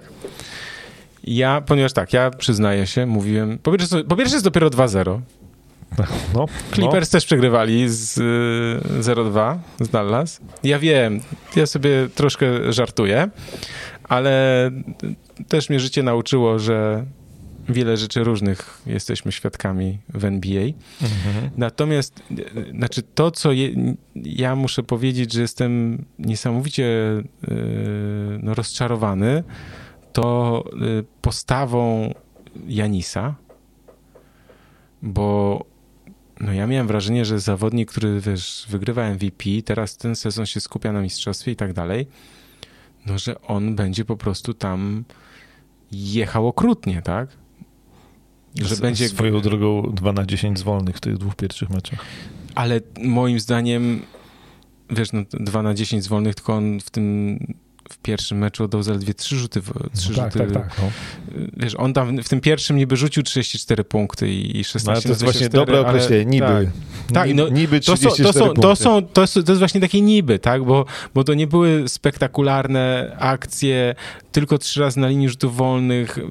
Więc e, znaczy, taki gracz jak on powinien po prostu w każdym meczu playoffów oddawać co najmniej 10 rzutów wolnych, które by wynikały z faktu jego agresywnej gry do kosza. To jest to uciekanie od tej strefy, znaczy od, od strefy podkoszowej. Wiesz, Chris Middleton, tragedia. Gość, który rozjechał Miami, nagle ten. Więc tak, oni, pytanie, znaczy pytanie, co się stało.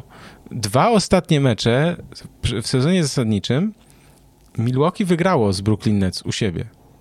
Dwa. Mhm. Nie No jeden, tak, tak, tak. dwa. Dwa. dwa. Teraz w tym pierwszym meczu, ja rozumiem też, że w tym pierwszym meczu mogły im się posypać jakieś założenia obronne z uwagi na to, że miał grać Harden. Tak. Harden wypadł po 43 trzech sekundach.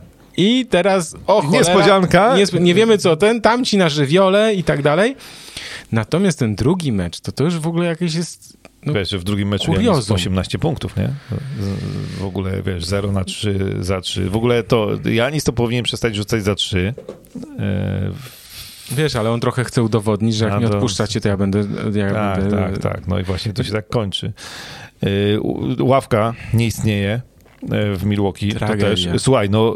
mm, Ale ja Brooklyn, powiedzieć... poczekaj, bo no, Brooklyn sprowadził Mike'a Jamesa z CSKA Moskwa, Tak. nie? W kwietniu, tak? Czy w maju to już nawet było. kwietniu, Y, I, I wiesz, i on wchodzi z tej ławki rezerwowych i on robi to, co potrafi, czyli rzuca po Trafia. 10-12 punktów. Mhm. E, proszę bardzo.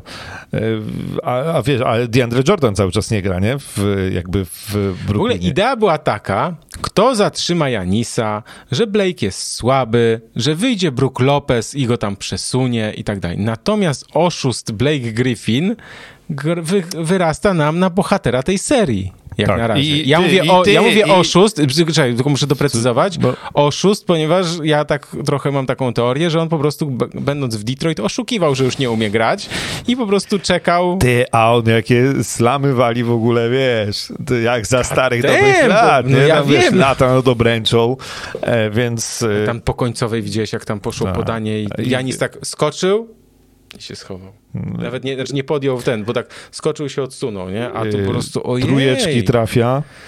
em, całkiem przyzwoicie, tak, nawet nie ale na niego. no. oddajmy królom to, co królewskie i zostawmy już Milwaukee Bucks, którzy e, no, są ogromnym rozczarowaniem jak na razie. Natomiast stary, to co gra Kevin Durant. Jeśli No. ktoś myślał, jeśli my mieliśmy wątpliwości, bo mieliśmy wątpliwości, pamiętasz, ja mówiłem, jak to będzie po zerwanym Achillesie w takim wieku, Ludziom on się jeszcze kariery wróci. kończą, a Ale moim zdaniem jego uratowało to, że jest szczurem. W sensie, że jest chudy jak patyk i że ten organizm to wytrzymał i był w stanie wrócić na ten wysoki poziom. I wrócił na absolutnie taki sam albo jeszcze wyższy. To znaczy to, co robi Kevin Durant y, i z Janisem i w tej serii, to to w ogóle masakra. Znaczy mamy starcie dwóch byłych MVP, y, no a, a, a, bawi się z Janisem Durant jak chce. A widziałeś to, jak Jay Williams y, powiedział, że Durant to też traktuje tak osobiście? Widziałeś to, y, wiesz o co chodzi? Jay Williams to jest były koszykarz Chicago Bulls, mhm. który z powodu kontuzji już nie gra, jest od kilkunastu już chyba lat, czyli znowu komar. Znowu złapałem. Komary nam tutaj latają też. E, albo mieliśmy drzwi otwarte, bo ja ciągle chodziłem do telefonu, tam internet poprawiać. E, więc tak, yy, co mówiłem? Kevin Durant? Yy, no, że osobiście... A, Jay Williams, mhm. dobra, że to jest, traktuje osobiście jako, że Jay Williams sprzedał takiego newsa, że kiedyś tam Kevin Durant na jakiejś imprezie powiedział mu, że tam nie porównuj mnie z Janisem, ja nie jestem taki jak on, nie porównujcie mnie i tak dalej. Po czym Kevin Durant oczywiście zaprzeczył, że to kłamstwo i tak dalej, i tak dalej. Tylko wiesz, coś powiem? Ja Durantowi już nie wierzę. Nie, nie, Durant ciągle ma jakieś dramy. W... Durant ma dramy w internetach, ma fejkowe konta. Więc to jest to... niesamowite, w sensie, to jest, słuchaj, to jest coś takiego, do mnie czasem piszą ludzie jakieś głupoty, a ja nie jestem, wiesz, żadnym celebrytą. Celebrytą, tak? I no, mam to głęboko w dupie. Czasem coś odpowiem, czasem ukryję, skasuję. Nieważne, w sensie Natomiast słuchaj, że Kevin Durant się tymi rzeczami przejmuje. On odpisuje tym ludziom i w ogóle ten, te fake... Stary, masz, zajmij się grą, jesteś najlepszym koszykarzem, Tylko... jednym z najlepszych koszykarzy na świecie, masz miliony dolarów na koncie, ciesz się grą, a nie udowadniaj, wiesz, bo to jest, to, wiesz co, przypomina mi się ten mem taki, yy, Czekaj, kochanie, idziesz już spać? Czy tam zaraz, zaraz, bo jeszcze odpisuję. I taka tam jakaś chmurka chyba, czy coś, że znów ktoś w internecie nie ma racji. No trochę tak, no. Wiesz, znaczy, po... znaczy to, jest, to jest dziwne, znaczy to, to jest... Ale to że on potrafi, dziwne. ale że on mimo tego zacietrzewienia takiego wewnętrznego takiego problemu, bo to widać, że to jest problem natury psychologicznej, psychicznej, mhm. a mimo tego potrafi wyjść na parkiet i grać po prostu rewelacyjnie, no. to, to znaczy to super, tak? Ale ja mi się też wydaje, że to go wyniszcza od środka. No to jest w ogóle niesamowite. Kevin Durant cały czas z jakimiś dramami, kłótniami z dziennikarzami, kibicami i tak dalej. Kyrie Irving, e, który generalnie ma mm, swój pogląd na, na, na, cały świat i on jest, jest delikatnie specyficzny, tak to nazwijmy. Odjechany. E, odjechany, ale, ale też wchodzi na parkiet. E, to najbardziej, znaczy jeśli można mówić o E, kto ma największe skillsy ogólnie w NBA, to moim zdaniem Irving od lat w sensie jest naprawdę w czołówce. Nie wiem, jeśli chodzi o rozgrywającego, o umiejętność tych wejść, szybkość, dynamit. No nie wiem, Steph Curry jest bardzo niedocenianym graczem z pozycji numer jeden w sensie umiejętności właśnie mhm. rozgrywania i tych wjazdów i tak dalej. Natomiast Kyrie Irving ma jeszcze większy ten dynamit w nodze, ten pierwszy krok i wiesz, prawa ręka, lewa ręka, w sensie on te wszystkie rzeczy potrafi, to jest naprawdę miło się ogląda, bardzo miło się ogląda, nawet jak leją tych, na których się stawiało. No tak, no jest Blake Griffin, który, e, który jest fantastyczny. E, znów fantastyczny jest oczywiście Joe Harris, który robi swoje tam... Największy zwycięzca, słuchaj, największy zwycięzca całej tej imprezy na Brooklynie to jest Joe Harris. To ja to mówiłem, tak? W sensie mówiłem to przez cały sezon, że on po prostu zyska na tym przyjściu Hardena, na tym, że Irving z Durantem, no bo to jest prosty, krótka piłka. Numer jeden musisz kogoś najlepszego, drugiego, trzeciego, on zostaje na, jako czwarty do krecia. Dostaje piłkę, ma zrobić to, co potrafi, czyli rzucić za trzy punkty, proszę bardzo. E, tak. A wiesz, jak byłoby mu trudno, gdyby grał na przykład w Charlotte Hornets? No tak, no, więc...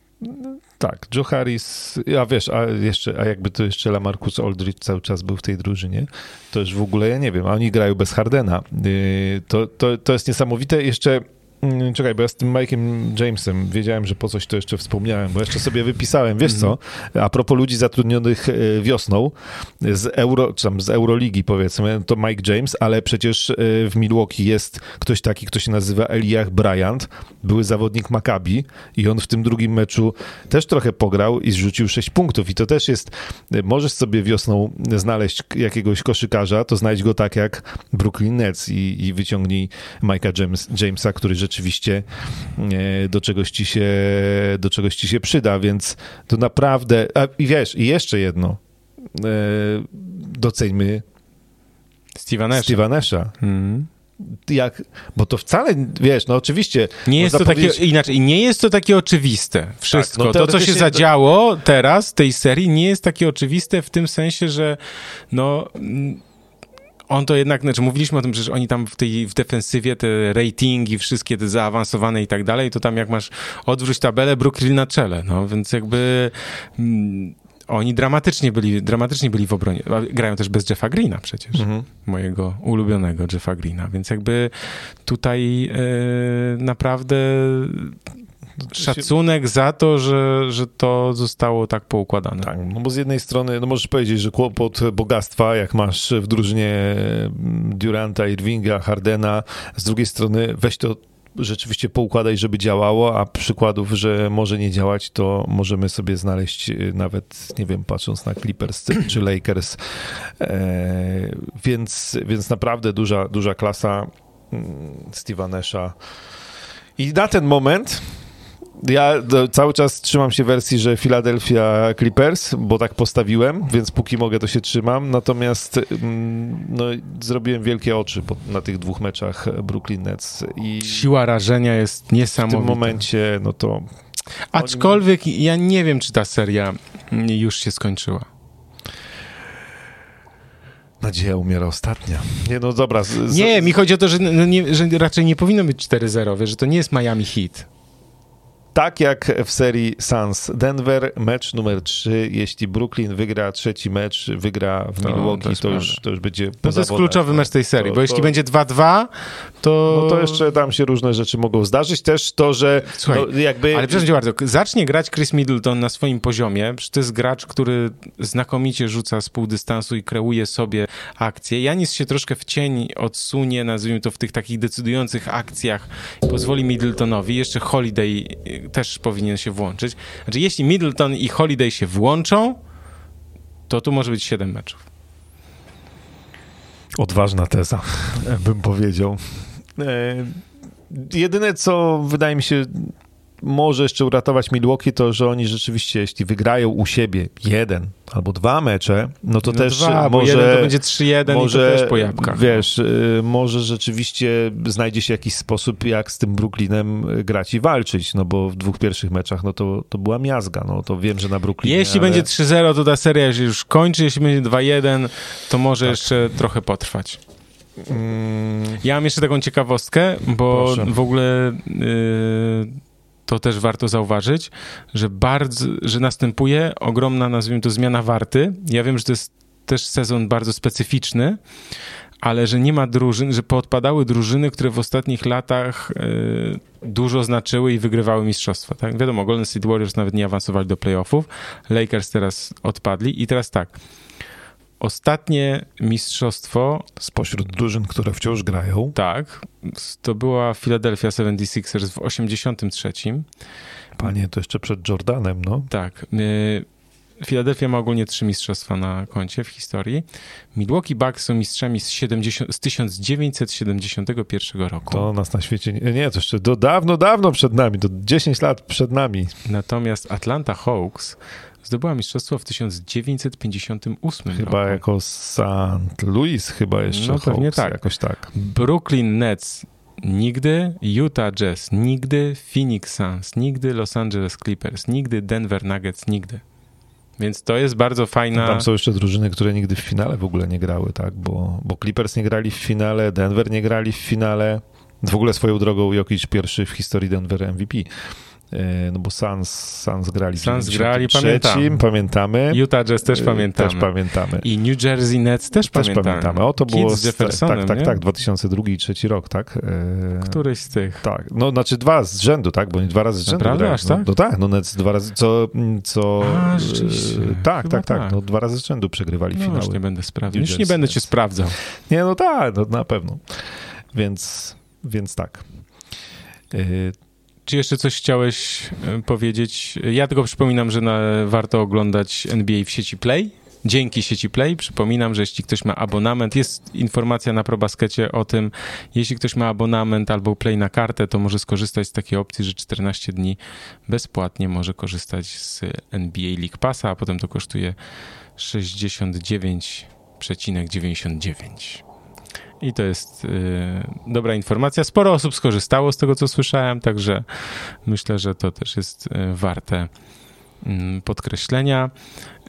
Też przypominam o takiej rzeczy, że, bo ja zaproponowałem taką myśl, rzuciłem tylko tak na szybko, krótko, nie mieliśmy trochę wtedy też czasu, że chciałem tak, y, bo już dostałem parę maili, więc jeszcze na nie nie odpisałem, ale zamierzam odpisać, także jeśli ktoś jeszcze nie dostał odpowiedzi, to ja postaram się odpisać w najbliższych dniach.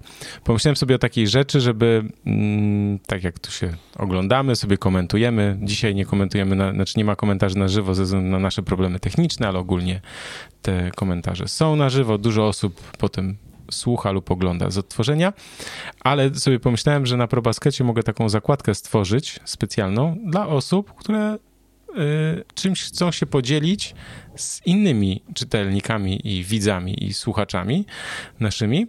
Y, na zasadzie takiej, że ja jestem fanem NBA, nie wiem, prowadzę sklep z czymś, sprzedaję coś, czy pomagam w jakimś nie wiem, czy nawet ubezpieczenia, czy jakieś inne rzeczy, takie niezwiązane z koszykówką hmm. nawet, ale że jak ktoś na przykład chce i na przykład chce, żeby takie informacje zamieścić i powie tak, na przykład dla fanów NBA będzie jakaś tam, nie wiem, super zniżka na przykład, coś takiego, tak? Że jakby ktoś miał te, taką myśl na przykład, nie wiem, prowadzi hotel albo pensjonat, albo nie wiem co jeszcze, ale coś wymyślę, i na przykład właśnie na hasło NBA czy hasło ProBasket na przykład może załatwić dać zniżkę, to ja myślę, że to jest fajny pomysł, żeby sobie stworzyć taką właśnie tutaj y, sieć kontaktów takich właśnie, żeby, żeby można było też pogadać.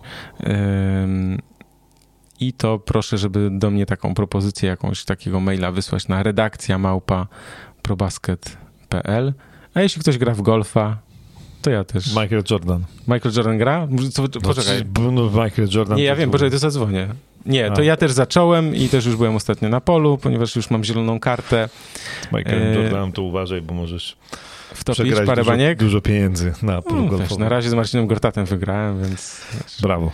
E, ale też, e, jeśli ktoś gra w golfa, to możemy się spotkać w miłym towarzystwie i e, zagrać no, na początek może dziewiąteczkę, ale, ale też pogadać o NBA.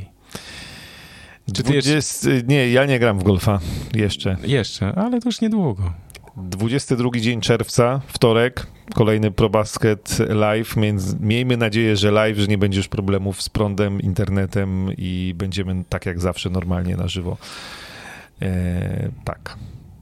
Tak, my przypominamy, bo jeśli ktoś e, gdzieś tam nie, nie, słuchał całego, czy od początku, e, to taki nietypowy, nietypowe było nagranie, ponieważ próbowaliśmy być na żywo na YouTubie, ale się nie udawało, przycinało nam internet, wysiadł tutaj w całej okolicy, gdzie jesteśmy, prądu też kilka razy nam wyłączało, więc po prostu sobie dograliśmy ten, tę końcówkę już nie na żywo, teraz to montujemy za chwilę i, i będzie to w formie do odsłuchania. 22 czerwca, wtorek, bo dzisiaj się akurat widzieliśmy w czwartek, ale wtorek jest takim trochę naszym dniem, więc 22 czerwca o godzinie 21 kolejny podcast ProBasket.